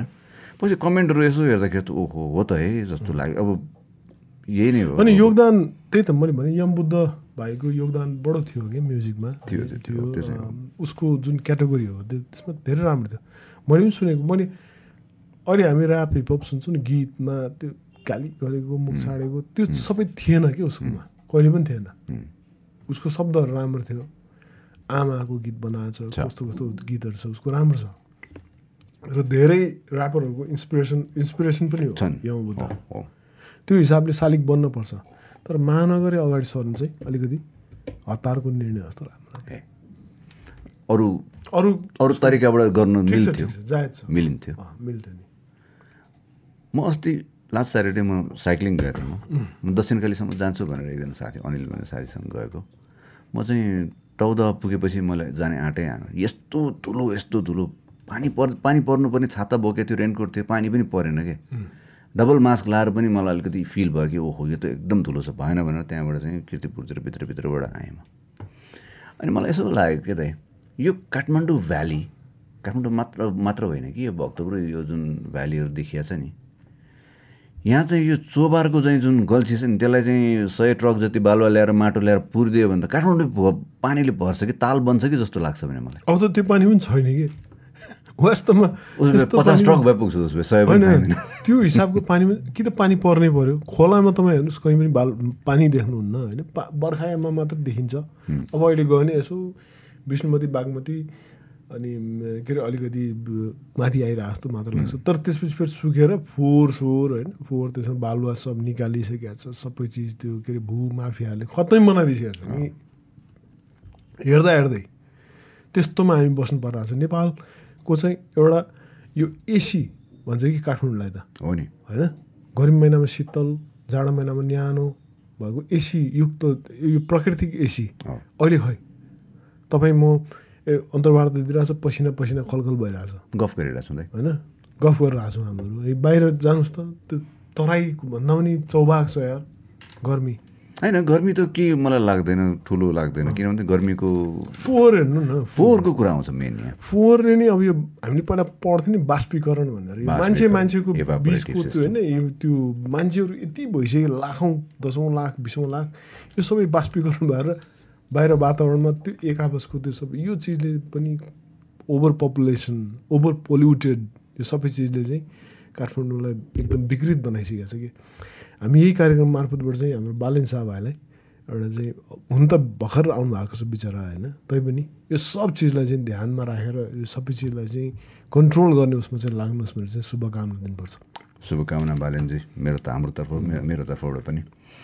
तपाईँको चाहिँ तपाईँको पनि पर्छ यस्तो चिजहरू डेभलपमेन्टहरू प्लानिङहरू? कि चाहिँ खालि चाहिँ एउटा कुरा कस्तो नि मैले भने तपाईँ जितिसकेपछि भने सरी होइन। पर्छ तपाईँको यस्तो। तपाईँ हामी चाहिँ नेपालीहरू कस्तो छ भने फोहोर चाहिँ लगेर त्यहाँ फालिदिने होइन। तपाईँ आफैले फाल्ने मैले आफैले फाल्ने। अनि त्यही फोहोर आफूले फालेको ठाउँबाट नाक खुम्चाउँदै हिँड्ने छ्या नेपाल त कस्तो फोहोर विदेश त कस्तो सफा भनेर हामी आफै भन्ने। त्यो फोहोर त त्यतिकै त आएको होइन। हामीले नै फाले हो नि त्यो फोहोर त होइन। खोला पनि खतम बनाएको हामी आफैले नै हो।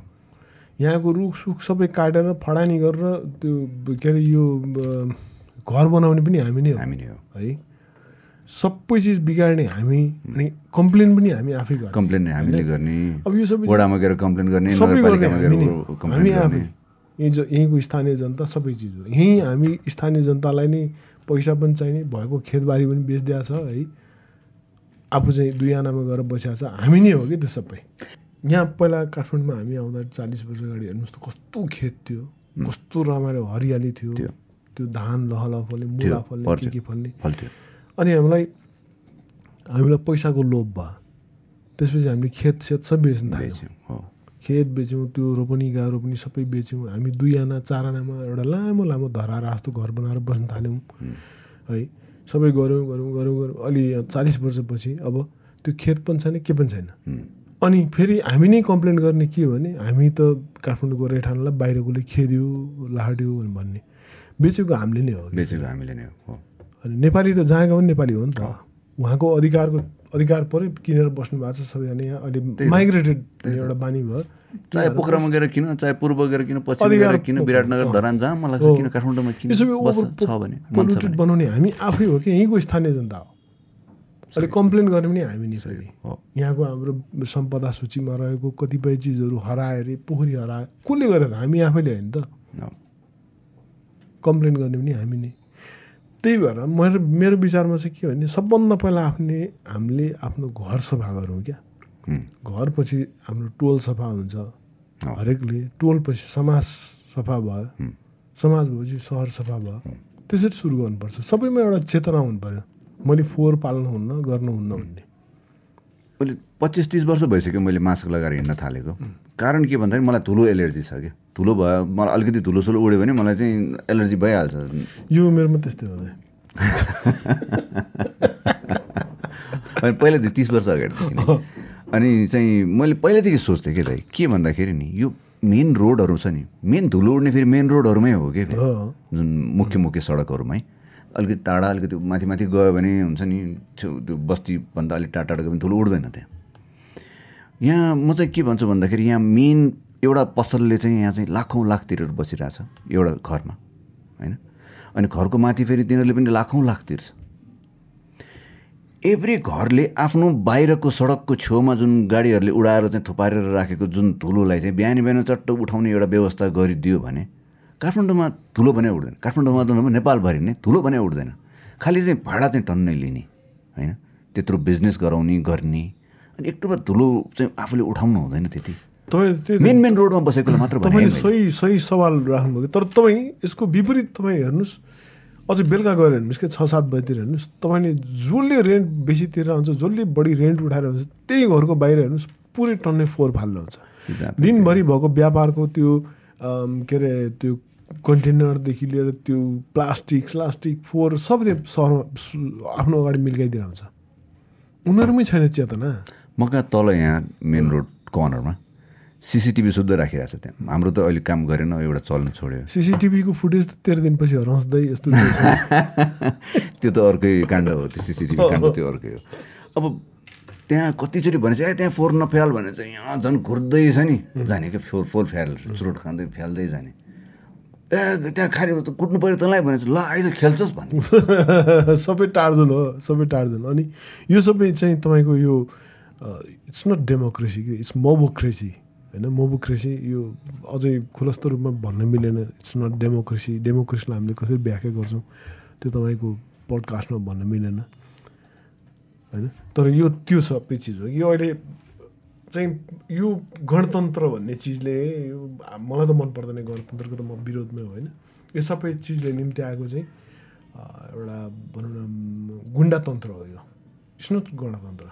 म जन्मेको पचास वर्ष पुगेको छैन पुग्नु पुग्न लाग्यो दाइ मैले सानैदेखि चाहिँ देख्दै आएको राजा भन्थ्यो होइन? एउटा गार्जेन जस्तो लाग्थ्यो होइन? राष्ट्रिय गीत पनि श्रीमान गम्भीर नेपाली गाउँथ्यौँ हामीले। अहिले बिचमा सबै चेन्ज हुँदाखेरि। आउँछ त्यहाँ आउँछ तपाईँ मसँगै गाउने हो वान टू अनि कुरा बिर्सिन्छ अहिले गाउँछ अहिले गाउने कुरा बिर्सिन्छ कहाँ पुगेको थियौँ हामी तपाईँले बच्चा सुन्दा आएको गाउँदै गरेको होइन बिचमा अब सबै पोलिटिक्स चेन्ज हुँदाखेरि सबै चिज चेन्ज भयो गाना पनि चेन्ज भयो तौर तरिका लुटपाट भर सबै चाहिँ घरहरू बन्न थाले सबै जग्गा जमिनहरू चाहिँ मासिन थाले होइन अब मैले देखेको के अहिलेको जुन के के तन्त्रहरू भन्दा त मलाई राजतन्त्रै ठिक हो कि? जस्तो लाग्छ कि मलाई। वास्तवमा हो नै। ठिक हो? नै हो। राजतन्त्र ठिक। हो। ठिकै हो कि? ठिक हो। ठिकै हो। किनभने तपाईँलाई एउटा गार्जेन के त सही भन्नु गार्जेन साँच्ची पनि त्यति बेला जुन बेला हामीले पढ्थ्यौँ नेपालको हावापानी सुहाउँदो पञ्चायती व्यवस्था राष्ट्रिय एकताको प्रतीक राज संस्था। अहिले तपाईँ सोच्नुहोस् त हो नि। किनभने राजतन्त्र भनेको राज संस्था भनेको हामी फलाना राजा फलाना संस्था हो कि त्यो एउटा जसले चाहिँ हाम्रो देशको राष्ट्रिय एकतालाई कायम राखिरहेको थियो र त्यसलाई अखण्ड राखिरहेको थियो अखण्ड भनेको कस्तो भने अखण्ड नेपाल हामी कहीँ पनि यो यो प्रदेशको संरचना जुन भयो नि यसले सातवटा प्रदेश यसले त मान्छेलाई छुट्याइदियो कि यसले? होइन त फलानु त फलानु त फलानु त फलानु।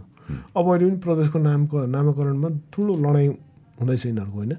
यो के भने मान्छेले जाति विशेषको आधारमा प्रदेशको नाम छुट्याइरहेको छ। पहिला कति? सजिलो थियो। पाँच विकास क्षेत्र। सबैको भागमा हिमाल पहाड तर हिमाल पहाड तर सबैको भागमा थियो। त यो सबै चिजलाई विदेशी चलखेलमा लागेर हटाइदियो। राष्ट्र राजतन्त्र साँच्चै पनि एकताको प्रतीक किनभने एउटा अभिभावकको त डर थियो नि हामीलाई। जो चाहिँ कुनै पनि राजनीतिक। पार्टीबाट अलग एउटा संस्था जसले चाहिँ हरेक गलत क्रियाकलापहरू भयो भने हाम्रो एउटा उजुरी गर्ने एउटा एउटा आशाको एउटा त्यो ऊ त थियो नि एउटा ठेगाना। भन्ने त अब अहिले त कसलाई आशा गर्नुहोस् तपाईँ? न्यायालयको न्यायाधीश त अहिले करप्टेडहरूसँग चाहिँ लागेर के के निर्णयहरू सुनाइदिन्छन् होइन। न्यायालयको सर्वोच्च अदालतको आदेश त मान्दैन अहिले मान्छेहरूले। निजगढको विमानस्थल बनाउनु हुन्न भन्दा भन्दै पनि बनाउनु बनाउनै पर्छ भनिन्छ भनेर चाहिँ लागिरहेछन्। कतिपय सर्वोच्चले चाहिँ जन्मकैदको फैसलामा त्यो उसमा थुनिदिएको ऊ आजन्म कु थुनिदिएकोहरूलाई बिचमै छुट्याइन्छ कतिपय ठग तस्करहरू बिचमै छुट्छन्। कसैमाथि कसैलाई कानुनको डरै छैन। कानुनको डर भनेको तपाईँ हामी जस्तो सोझा निर्धारण मात्र हो। अरूलाई छैन। भनेपछि अनि यस्तो देशमा तपाईँ र मैले आशा कसमाथि गर्ने?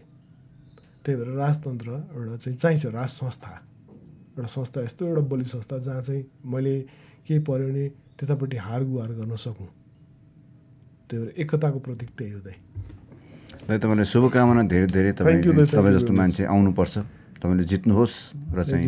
यो देशलाई राम्रो बनाउनुहोस् देशको सेवा गर्नुहोस् पोलिटिक्सको विषय हामी यहीँ रोकिदिउँ। अब अघि कुरा गरेँ श्रीमान गम्भीर। अब उठेर गाउनुपर्छ माइक लिनुपर्छ। माइक त्यस्तो छ है। मलाई कन्ठै छ दाइ। मलाई थाहा छ तपाईँलाई पनि मलाई त आउँछ। मैले अस्ति एउटा फेरि मलाई गाउनु पनि उठ्नुपर्छ त्यस्तो हुन्छ। देख्दैन होइन। सर र शब्द मात्र भनिदिनु त। श्रीमान गम्भीर नेपाली प्रचण्ड प्रतापी भूपति श्रीमान गम्भीर नेपाली। श्रीपाद सरकार महाराज महाराज सरकारको सदा रहोस् उन्नति राखुन् चिरायुषले प्रजा फैलियोस् देश प्रकार हामी नेपाली साराले होइन यो मजा आउँथ्यो। अब पछिको दोस्रो राष्ट्रिय गीत हाम्रो बन्दाखेरि चाहिँ खिन्न लागेको थियो मलाई। अब अब ठिकै छ अब उनीहरूलाई मनपर्छ अब म एक्लैलाई मन नपरेर के गर्ने जस्तो लागेर चुप लागेर बसेँ म। छोड्यौँ पोलिटिक्स दाइ तपाईँलाई शुभकामना दिइसकेँ मैले। अब कुराहरूमा फेरि back to music sure cover सङलाई कतिको चाहिँ दाइ तपाईँ चाहिँ प्रोत्साहन गर्नुहुन्छ र कतिको ठिक जस्तो लाग्छ? गीतहरूलाई कभर गर्ने जुन आजकल चलन आइराखेको छ। कभर सङको पनि त कहिलेसम्म गर्ने भन्ने हो कि त्यो? जहिलेसम्म गरोस् न अब सय वर्ष दुई सय पचास अब। आज पछिको कुरा तर यदि मैले म एउटा नयाँ आएको एउटा सिङ्गर छु होइन र मैले तपाईँको कभर गर्न मलाई चाहिँ इच्छा लाग्यो। मैले तपाईँको अनुमति लिएर मैले त्यसलाई कभर पनि गरेँ। हजुर। बिना अनुमति चाहिँ अपराधै हो। अहिले चाहिँ अपराध नै ठहरिन्छ त्यसलाई कपिराइटको हिसाबमा अपराध ठहरिन्छ। मैले तपाईँको अनुमति लिएर मैले तपाईँको कभर एउटा गरेँ र राम्रो पनि चल्यो। अब आज राम्रो चल्यो पनि भोलि पनि म कभरै गाउनु त होइन नि। मेरो पनि त एउटा इन्ट्रोडक्सन त हुनु पऱ्यो चिनारी। मैले पनि एउटा यस्तो गीत गाउनु पऱ्यो जो जसलाई चाहिँ पछि आउने जेनेरेसनले कभर गरोस् भन्ने अब तर कभर मात्रै गरेर राख्ने हो भने चाहिँ त्यो ठिक छैन। तर एक दुईवटा कभर राम्रो राम्रो गीतलाई गर्छन् भने त्यो राम्रै हो। किनभने एउटा मरिसकेको गीत फेरि उठ्छ। त्यो राम्रै हो होइन। तर कभर गीत गर्दा चाहिँ मेरो हिसाबमा चाहिँ के भने योभन्दा अघिल्लो स्रष्टा को थिए त्यसमा होइन? उनीहरूलाई चाहिँ एउटा उचित सम्मान स्वरूप पैसै दिनुपर्छ भन्ने पनि होला आफ्नो ठाउँमा। तर पनि आफूले गाउँदाखेरि त्यो स्रष्टाहरू जो चाहिँ ओरिजिनल त्यो वास्तविक त्यसको स्रष्टाहरूलाई चाहिँ आफूले गाउने ठाउँमा सधैँ सम्झिराख्ने शब्द कसको सङ्गीत कसको स्वर कसको र उनीहरूलाई चाहिँ गाउने बेलामा एउटा सम्मानसहित गाइदियो भने त्यो राम्रै हो। अस्ति एउटा मिटिङमा मिटिङ भन्दाखेरि एउटा सरकारी एउटा मिटिङ अटेन्ड गरेको थिएँ जुन चाहिँ रोयल्टी कलेक्सन सोसाइटी सङ्गीतकार सङ्घ गीतकार सङ्घ यिनीहरू यिनीहरूलाई चाहिँ सबैलाई बोलाएर चाहिँ रजिस्ट्रारको कार्यालयमा चाहिँ एउटा मिटिङ राखेको थियो। अनि त्यहाँ चाहिँ एउटा हाम्रो गीतकार साथीले चाहिँ कमेन्ट गर्नुभएको। त्यहाँ चाहिँ सबभन्दा पहिला चाहिँ राष्ट्रिय गीत बज्यो जुन अहिलेको अहिलेको चाहिँ नयाँ राष्ट्रिय गीत। सबजना उठ्यो गायो बस्यो। अनि उसले बोल्ने पालमा के भन्दाखेरि त्यहाँ एक दुईजनाले पहिला चाहिँ कोही कमेन्ट गरिरहेको थियो भन्दाखेरि मेरो गीतको चाहिँ नाम भन्दैन गीतको बोल के शब्दकारको नाम भन्दैन सङ्गीतकारको नाम पनि भन्दैन खालि यिनीहरूले युज मात्र गर्छ भनेर भन्छ। एउटाले भन्यो कि मेरो राष्ट्रिय गीत गाएको खोइ त उसको जो राष्ट्रिय गीत गाउनेको नाम लिएको खोइ त उसले अहिलेसम्म रोयल्टी किन नपाएको त? भनेर क्वेसन गर्यो। यो तपाईँलाई चाहिँ रिस उठ्यो होला सुन्दाखेरि होइन। तर त्यहाँ हाम्रो राजेन्द्र थापा दाई जुन लिरिसिस्ट हुनुहुन्छ उहाँले कमेन्ट एउटा रिप्लाई गरिरहनु भएको रहेछ त्यसमा यो राष्ट्रिय गीत भनेको चाहिँ यो चाहिँ राष्ट्रको गीत हो यसमा रोयल्टी पनि हुँदैन होइन। यसमा चाहिँ नाम लिनु पनि जरुरी छैन। सबैलाई संसारलाई थाहा हुन्छ एभ्रिडे गाइराखेको हुन्छ। र यसमा रोयल्टीको चाहिँ कुनै चाहिँ इस्युज पनि आउँदैन यसमा। यसमा नाम भनिरहनु पनि जरुरी छैन भनेर भनेर भन्नुभएको छ। मलाई चाहिँ ठिक लागेको छ यो विषय होइन ठिक हो। राष्ट्रिय गीत भनेको त राष्ट्रिय गीत हो नि। राष्ट्रिय गीत हो अब उनीहरूले बनाएको राष्ट्रिय गीत मलाई त वास्तवमा खास राम्रो लाग्दैन होइन? मेरो लागि राष्ट्रिय गीत त अरू नै हो। तर राष्ट्रको लागि बनाइसकेको गीत त राष्ट्रिय गीत हो। त्यसमा त रोयल्टीको कुरै हुँदैन त्यो। त्यो राजेन्द्र थापा दाइले सही भन्नु सही भन्नुभयो है। मलाई पनि ठिक लागेको थियो उहाँको कुरा।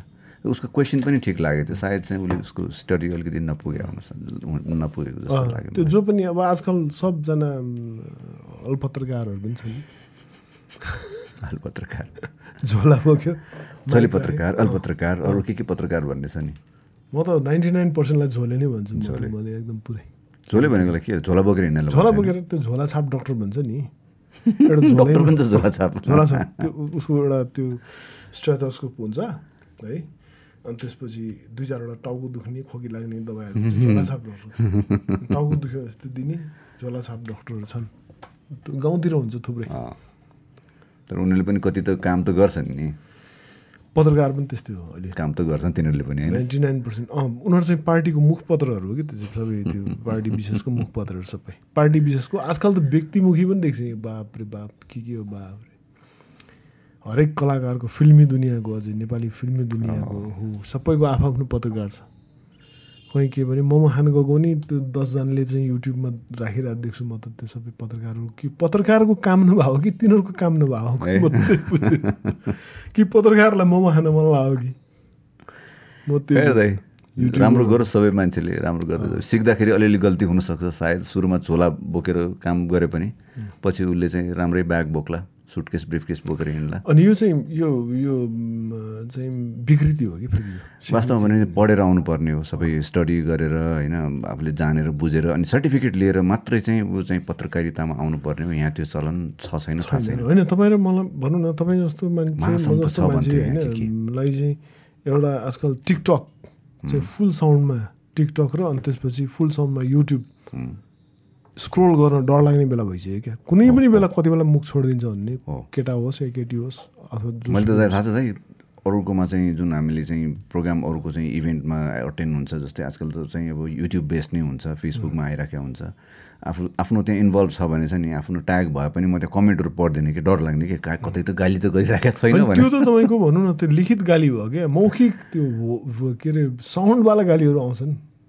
युट्युबमा होइन मेन। त। टिकटक ओहो हो। साउन्ड अफ गरेर चाहिँ स्क्रोल गर्नुपर्छ। एनिवेज दाइ तपाईँको अब अपकमिङ नेक्स्ट के छ दाइ म्युजिकमा है फेरि। अब म्युजिकमा नेक्स्ट भन्नाले अहिले नै गरिरहेको छु मैले अब। म्युजिकबाट बाहेक म्युजिकमा इन्भल्भ भनेको अहिले नेपाल सिङ्गिङ सुपरस्टार तपाईँको ओहो मेन कुरा त बिर्सिराखेको थिएँ तपाईँको सिङ्गिङ सुपरस्टार्सको के छ ठिक छ अहिले अब नाइन नाइन एपिसोडसम्मको चाहिँ हाम्रो भयो? टप कतिमा अहिले? अहिले अहिले टप ट्वेन्टी वानसम्म छ 20, टप 21. 21 छ। उनीहरू अब भोलिदेखि चाहिँ भोलि मन्डे आज हाम्रो सन्डे होइन यो इन्टरभ्यू भएर भोलि मन्डे चाहिँ हाम्रो दुईजना त्यसबाट चाहिँ एलिमिनेट हुन्छन् eliminate हुँदैछ। हुँदैछ अनि त्यसपछि बिस्तारै हरेक विकमा चाहिँ एउटा दुईजना एकजना दुईजना एलिमिनेट हुँदै गएर लास्टमा एकजनाले जित्ने त हो प्रक्रिया यही नै हो हो त ठिकै छ सबै एक सय एक तगडा तगडा कलाकारहरू छन्। उनीहरूले गाएको देखेर मलाई पनि म पनि यस्तो गाउन सक्ने भए त कस्तो हुन्थ्यो भन्ने जस्तो लाग्ने होइन। त्यस्तो गाउनेहरू छन्। इन्डियाबाट आएकोहरू पनि हुनुहुन्छ त्यहाँ।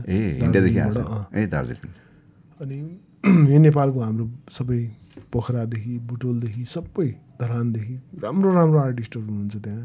र उहाँहरूलाई जजमेन्ट गर्न पाउनु पनि मेरो लागि ठुलो कुरा हो। र सत्य स्वरूप अनि सत्य मिलन। मिलन छ। तपाईँ हुनुभयो। हामी चारजना छ अब त्यसको डाइरेक्सन चाहिँ रवि भाइ तपाईँको भाइले गरेर रविले हजुर, तैपनि एउटा रमाइलो। भनौँ अब आगामी अरू अर्को बिस बाइस हप्ता अझै छ। रमाइलो हुन्छ होला जस्तो लाग्छ। अनि त्यसपछि अब आफ्नो गीत बनिरहेछ। आज निकाल्छु भोलि निकाल्छु भन्ने। अब त्यही भिजुअल भएको छैन निकाल्छु। अनि टुरहरू चाहिँ अहिले यही कार्यक्रमले गरेर पोस्ट भएको छ। ए। हुन्छ अब। त्यही यही सबै त हो। त्यो बाहेक अब आफ्नो पोलिटिक्स पनि अगाडि चलिरहेको छ। पोलिटिक्स त तपाईँको चलिरहेको छ। पोलिटिक्सलाई डिस्टर्ब त गर्दैन नि तपाईँको रियालिटी सोजहरू केही डिस्टर्ब गर्दैन। अनि तपाईँ पोलिटिक्समा तपाईँले जित्नुभयो भने म्युजिक कतिको पछाडि पर्ला फेरि? एकदम मजाले पर्दै पर्दैन नि यार। दिनभरि पोलिटिक्स रातभरि भन्नुभयो जित्छ भने तपाईँको म फेरि दुध भात थ्याङ्क यू अब चाहिँ हुस्की र चिकन कि क्या? त्यही म हुस्की सुस्की एकदम आजकल अचाउँछु मात्रै छर्किन्छु मात्रै। बस छम्किदिउँला नि त अलिकति। अनि के अरे त्यो भगवान्को कृपाले तपाईँको आशीर्वादले जितिहाल्यो भने पनि म्युजिकमा चाहिँ म जुन अहिलेको उसमा छु म त्यही नै हो म। लागिरहेको छु यो त मेरो पहिलो ऊ हो। पहिलो सोख भनौँ पहिलो पेसा भनौँ यही हो मेरो। म्युजिक चाहिँ मेरो पेसा हो राजनीति चाहिँ होइन। होइन। गुड सेट राम्रो भन्नुभयो खुसी लाग्यो। तपाईँको सिङ्गिङ सुपरस्टार्सलाई चाहिँ म पनि शुभकामना दिन चाहन्छु है. अस्ति तपाईँको गीत हाम्रो दोर्जे भाइ भाइले मैले मैले कमेन्ट पनि गरेको थिएँ तपाईँहरूलाई राम्रो गाइदिएको थिएँ मजाले कस्तो तपाईँको बारेमा हामीले कुरा पनि गरेको थियौँ। हाम्रो इन- यो म्युजिक इन्डस्ट्रीको एक मात्र यस्तो के अरे मेरो साथी दाई होइन जे। भन्यो नि। उहाँलाई कहिले पनि मैले तिमी तँ भने दाई दाई मात्र भनिन्छ। हामीहरू अनि उहाँ चाहिँ अहिले यहाँ भेटिन्छ पन्ध्र मिनटपछि फोन गर्दा मुलिङ। ऊ त्यस्तो मान्छे भनेर भन्दै थिएँ कि मैले चाहिँ बाहिर फेरि अहिले सोध्छु तपाईँसँग पनि कुरा पहिला पनि गर्थेँ। तपाईँ मलाई किन तपाईँ भन्छ भने भन्नुहोस् त। आफूभन्दा ठुलो मान्छे।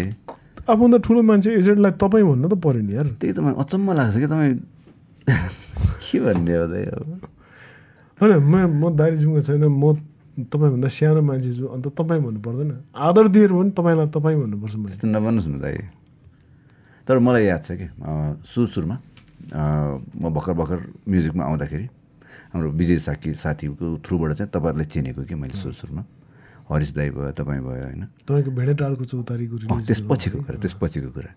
तपाईँलाई नि कहीँ भेट्दाखेरि त ओहो सञ्जय श्रेष्ठ त मेरो साथी मन भनेको म पुच्चिपाचे थिएँ। तपाईँ पनि पुच्चिपाचे नै हुनुहुन्थ्यो त्यतिखेर। अनि मैले तपाईँलाई त तिमी तिमी भनेर कुरा गर्न थालेँ कि मैले। के छ सञ्जय? के छ हरिश? भनेर त्यसरी कुरा गरेँ कि मैले। केही वर्षपछि मलाई यस्तो नराम्रो फिल भएको कि म कहाँ छु? मैले कि आफ्नो खुट्टाले आफूले चाहिँ नटेक टेक्न छोडे हो कि म आकाश छोडेर म धर धरती छोडेर आकाशमा उडिरहेको छु जस्तो फिल गरेँ मैले यो गर्नु हुँदैन। भनेर अनि मैले बिस्तारै मेरो आफ्नो चाहिँ भाषा चेन्ज गरेँ कि अनि मैले अनि रेस्पेक्ट गरेर हजुर तपाईँहरू गर्न थालेँ कि। कस्तो। तपाईँलाई याद भएन होला सायद त्यतिखेर तपाईँले चिन्नु पनि हुँदैन थियो होला मलाई। नचिन्नु। मैले तपाईँलाई त्यो त्यति बेला चिनेर अब आफूभन्दा ठुलो मान्छे दिएपछि तपाईँ नै अब भुवन केसी दाईको साथी हो नि तपाईँ? कहाँबाट भुवन दाई याद आयो तपाईँलाई? भुवन दाईले रिलिज गरेको नि त तपाईँको विमोचन होइन। राय समाल दाई। राय समाल दाई? राय समाल दाईको साथी अनि रेस्पेक्ट गर्नु परेन। उहाँ त दाई हुनुहुन्थ्यो त्यो। राय समाल दाई त मेरो टोलको दाई हो। ए तपाईँ सँगै हो। उहाँ कपरधारा बस्नुहुन्छ म चाहिँ यतापट्टि एक लाइन यतापट्टि बस्छु म चाहिँ। यस त्यो शुभकामना दिँदै थिएँ सिङ्गिङ सुपरस्टार्सका सबैलाई चाहिँ राम्रो पर्फर्म गर्नुहोस् र आफ्नो ठाउँ बनाउनुहोस् आफ्नो रियालिटी सोजबाट आफू हटेर गइसकेपछि पनि होइन आफ्नो चाहिँ म्युजिक करियरलाई चाहिँ अगाडि बढाउने धेरै उपायहरू तरिका तौर तरिकाहरू छ जजहरूसँग चाहिँ यसो पछि यसो विशेष सल्लाह सुझाव लिएर चाहिँ अगाडि बढ्दै गर्नुहोस्। प्लेटफर्म ठुलो छ यो संसारमा। होइन? यो नेपाल मात्र नभएर यो संसारभरि वर्ल्ड वाइड आफ्नो कोठामा बसेर आफ्नो एउटा मोबाइल एउटा मात्र भए पनि पुग्छ। धेरै चिजहरू गर्न सक्नुहुन्छ होइन? रविलाई पनि शुभकामना होइन? राम्रो किप इट अप सोजहरूले राम्रो राम्रो स्कोप लियोस् राम्रो भ्युज पाओस् होइन? राम्रो राम्रो कलाकारलाई अगाडि बढाएर लिएर आउन सकुन् पोडकास्ट रमाइलो भयो जस्तो लाग्छ। एकदम रमाइलो भयो। आज यहाँ त्यो के अरे अन द स्पट है त्यो कुनै पनि तयारी बिना क्वेसनहरू तपाईँको हुन त यहाँ। यो क्वेसन होइन यो मेरो मेरो। यस्तो नराम्रो छ यो? तपाईँभन्दा तपाईँले दाई दाई भन्नुहुन्छ। दाईको उमेर चाहिँ अलिकति सानो ले गर्दाखेरि बिर्सिन्छ कि अहिले कुरा गर्दा गर्दा अब तपाईँले देख्नु भइहाल्छ अर्कै अर्कै यो एउटा टपिक मात्रै। त्यो आनन्दले यो औपचारिक भन्दा नि अनौपचारिक तरिकाले जुन कुराहरू भयो मजा आयो कि यो सबै यो पहिला हुन्थेन होइन। पडकास्टमा आजकल गर्ने अब अँ, रमाइलो भयो। बानी लाग्यो बानी बनाउनु पनि खोजिरहेछु। पडकास्टको चाहिँ एक्सपिरियन्स लिनु पाएँ पहिलोचोटि है यो रमाइलो हुँदो रहेछ।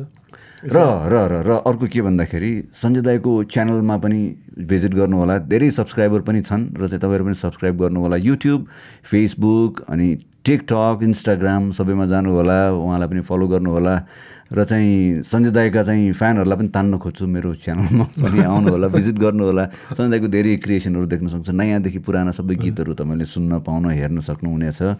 र तपाईँलाई फेरि एकचोटि शुभकामना दिन चाहन्छु सञ्जय दाई तपाईँ चाहिँ जित्नुहोस् तपाईँले राम्रो गर्नुहोस् जितेर जितेर मात्र नभएर तपाईँ जितिसकेपछि पनि राम्रो गर्दै जानुहोस्। पछिसम्म पनि तपाईँले चाहिँ समाज सेवा यो देशको सेवा गरिरहन सकोस्। तपाईँलाई शुभकामना दिन थ्याङ्क चाहन्छु यू थ्याङ्क यू जेम्स दाई। तपाईँले तपाईँको मुखमा फेरि पनि दुध भात है। तपाईँले आज यहाँ बोलाइदिनु भयो तपाईँको पोडकास्टमा के अरे हाम्रो एक डेढ घन्टा गएको पत्तै पाइएन। यत्रो समय गएको पत्तै पाइएन र बोलाइदिनु भयो मेरो केही कुराहरू राख्ने मौका दिनुभयो तपाईँलाई थ्याङ्क यू तपाईँको पोडकास्टको यो टिमलाई हाम्रो त्यहाँ बिजन। भाइलाई एकदम त्यो टेक्निकल सहयोगको लागि थ्याङ्क यू भेरी मच तपाईँको यो पोडकास्टको एकदमै प्रगति हुँदै जाओस् दाइ है। फेमस हुँदै जाओस् तपाईँको पोडकास्टमा अब तपाईँको जुन एक्सपिरियन्स लेभल छ नि एकदम हाई हुँदैछ तपाईँको क्वेसन गर्ने तरिका है। तपाईँ अब खालि कलाकार मात्र पोलिटिसियनहरूलाई यहाँ उभाएर यहाँ बसाएर देशको त बारेमा सोध्नु मैले त्यो त सोध्नु सक्नुहोस् दाइ। तपाईँलाई त्यही शुभकामना you very much, Sanjay. sir. Thank you so much. So, thank you very much. Hope you enjoy our podcast. होइन थ्याङ्क यू सो मच यत्रो बेरसम्म हामीसँग हाम्रो गफ सुनिदिनु भयो र आफ्नो साथीभाइहरूसँग सेयर गर्नु होला यो भिडियोलाई र चाहिँ जसले जसले सब्सक्राइब गर्नु भएको छैन हाम्रो च्यानललाई सब्सक्राइब गर्नु होला। सञ्जयको च्यानलमा पनि भिजिट गर्नु होला र चाहिँ हामी म्युजिकहरू गर्दै जानेछौँ पडकास्टहरू पनि गर्दै जान कोसिस गर्नेछौँ। थ्याङ्क यू फर वाचिङ अर्को भिडियोमा फेरि भेटौँला। Thank you so much thank you again फेरि दाई। Thank you so much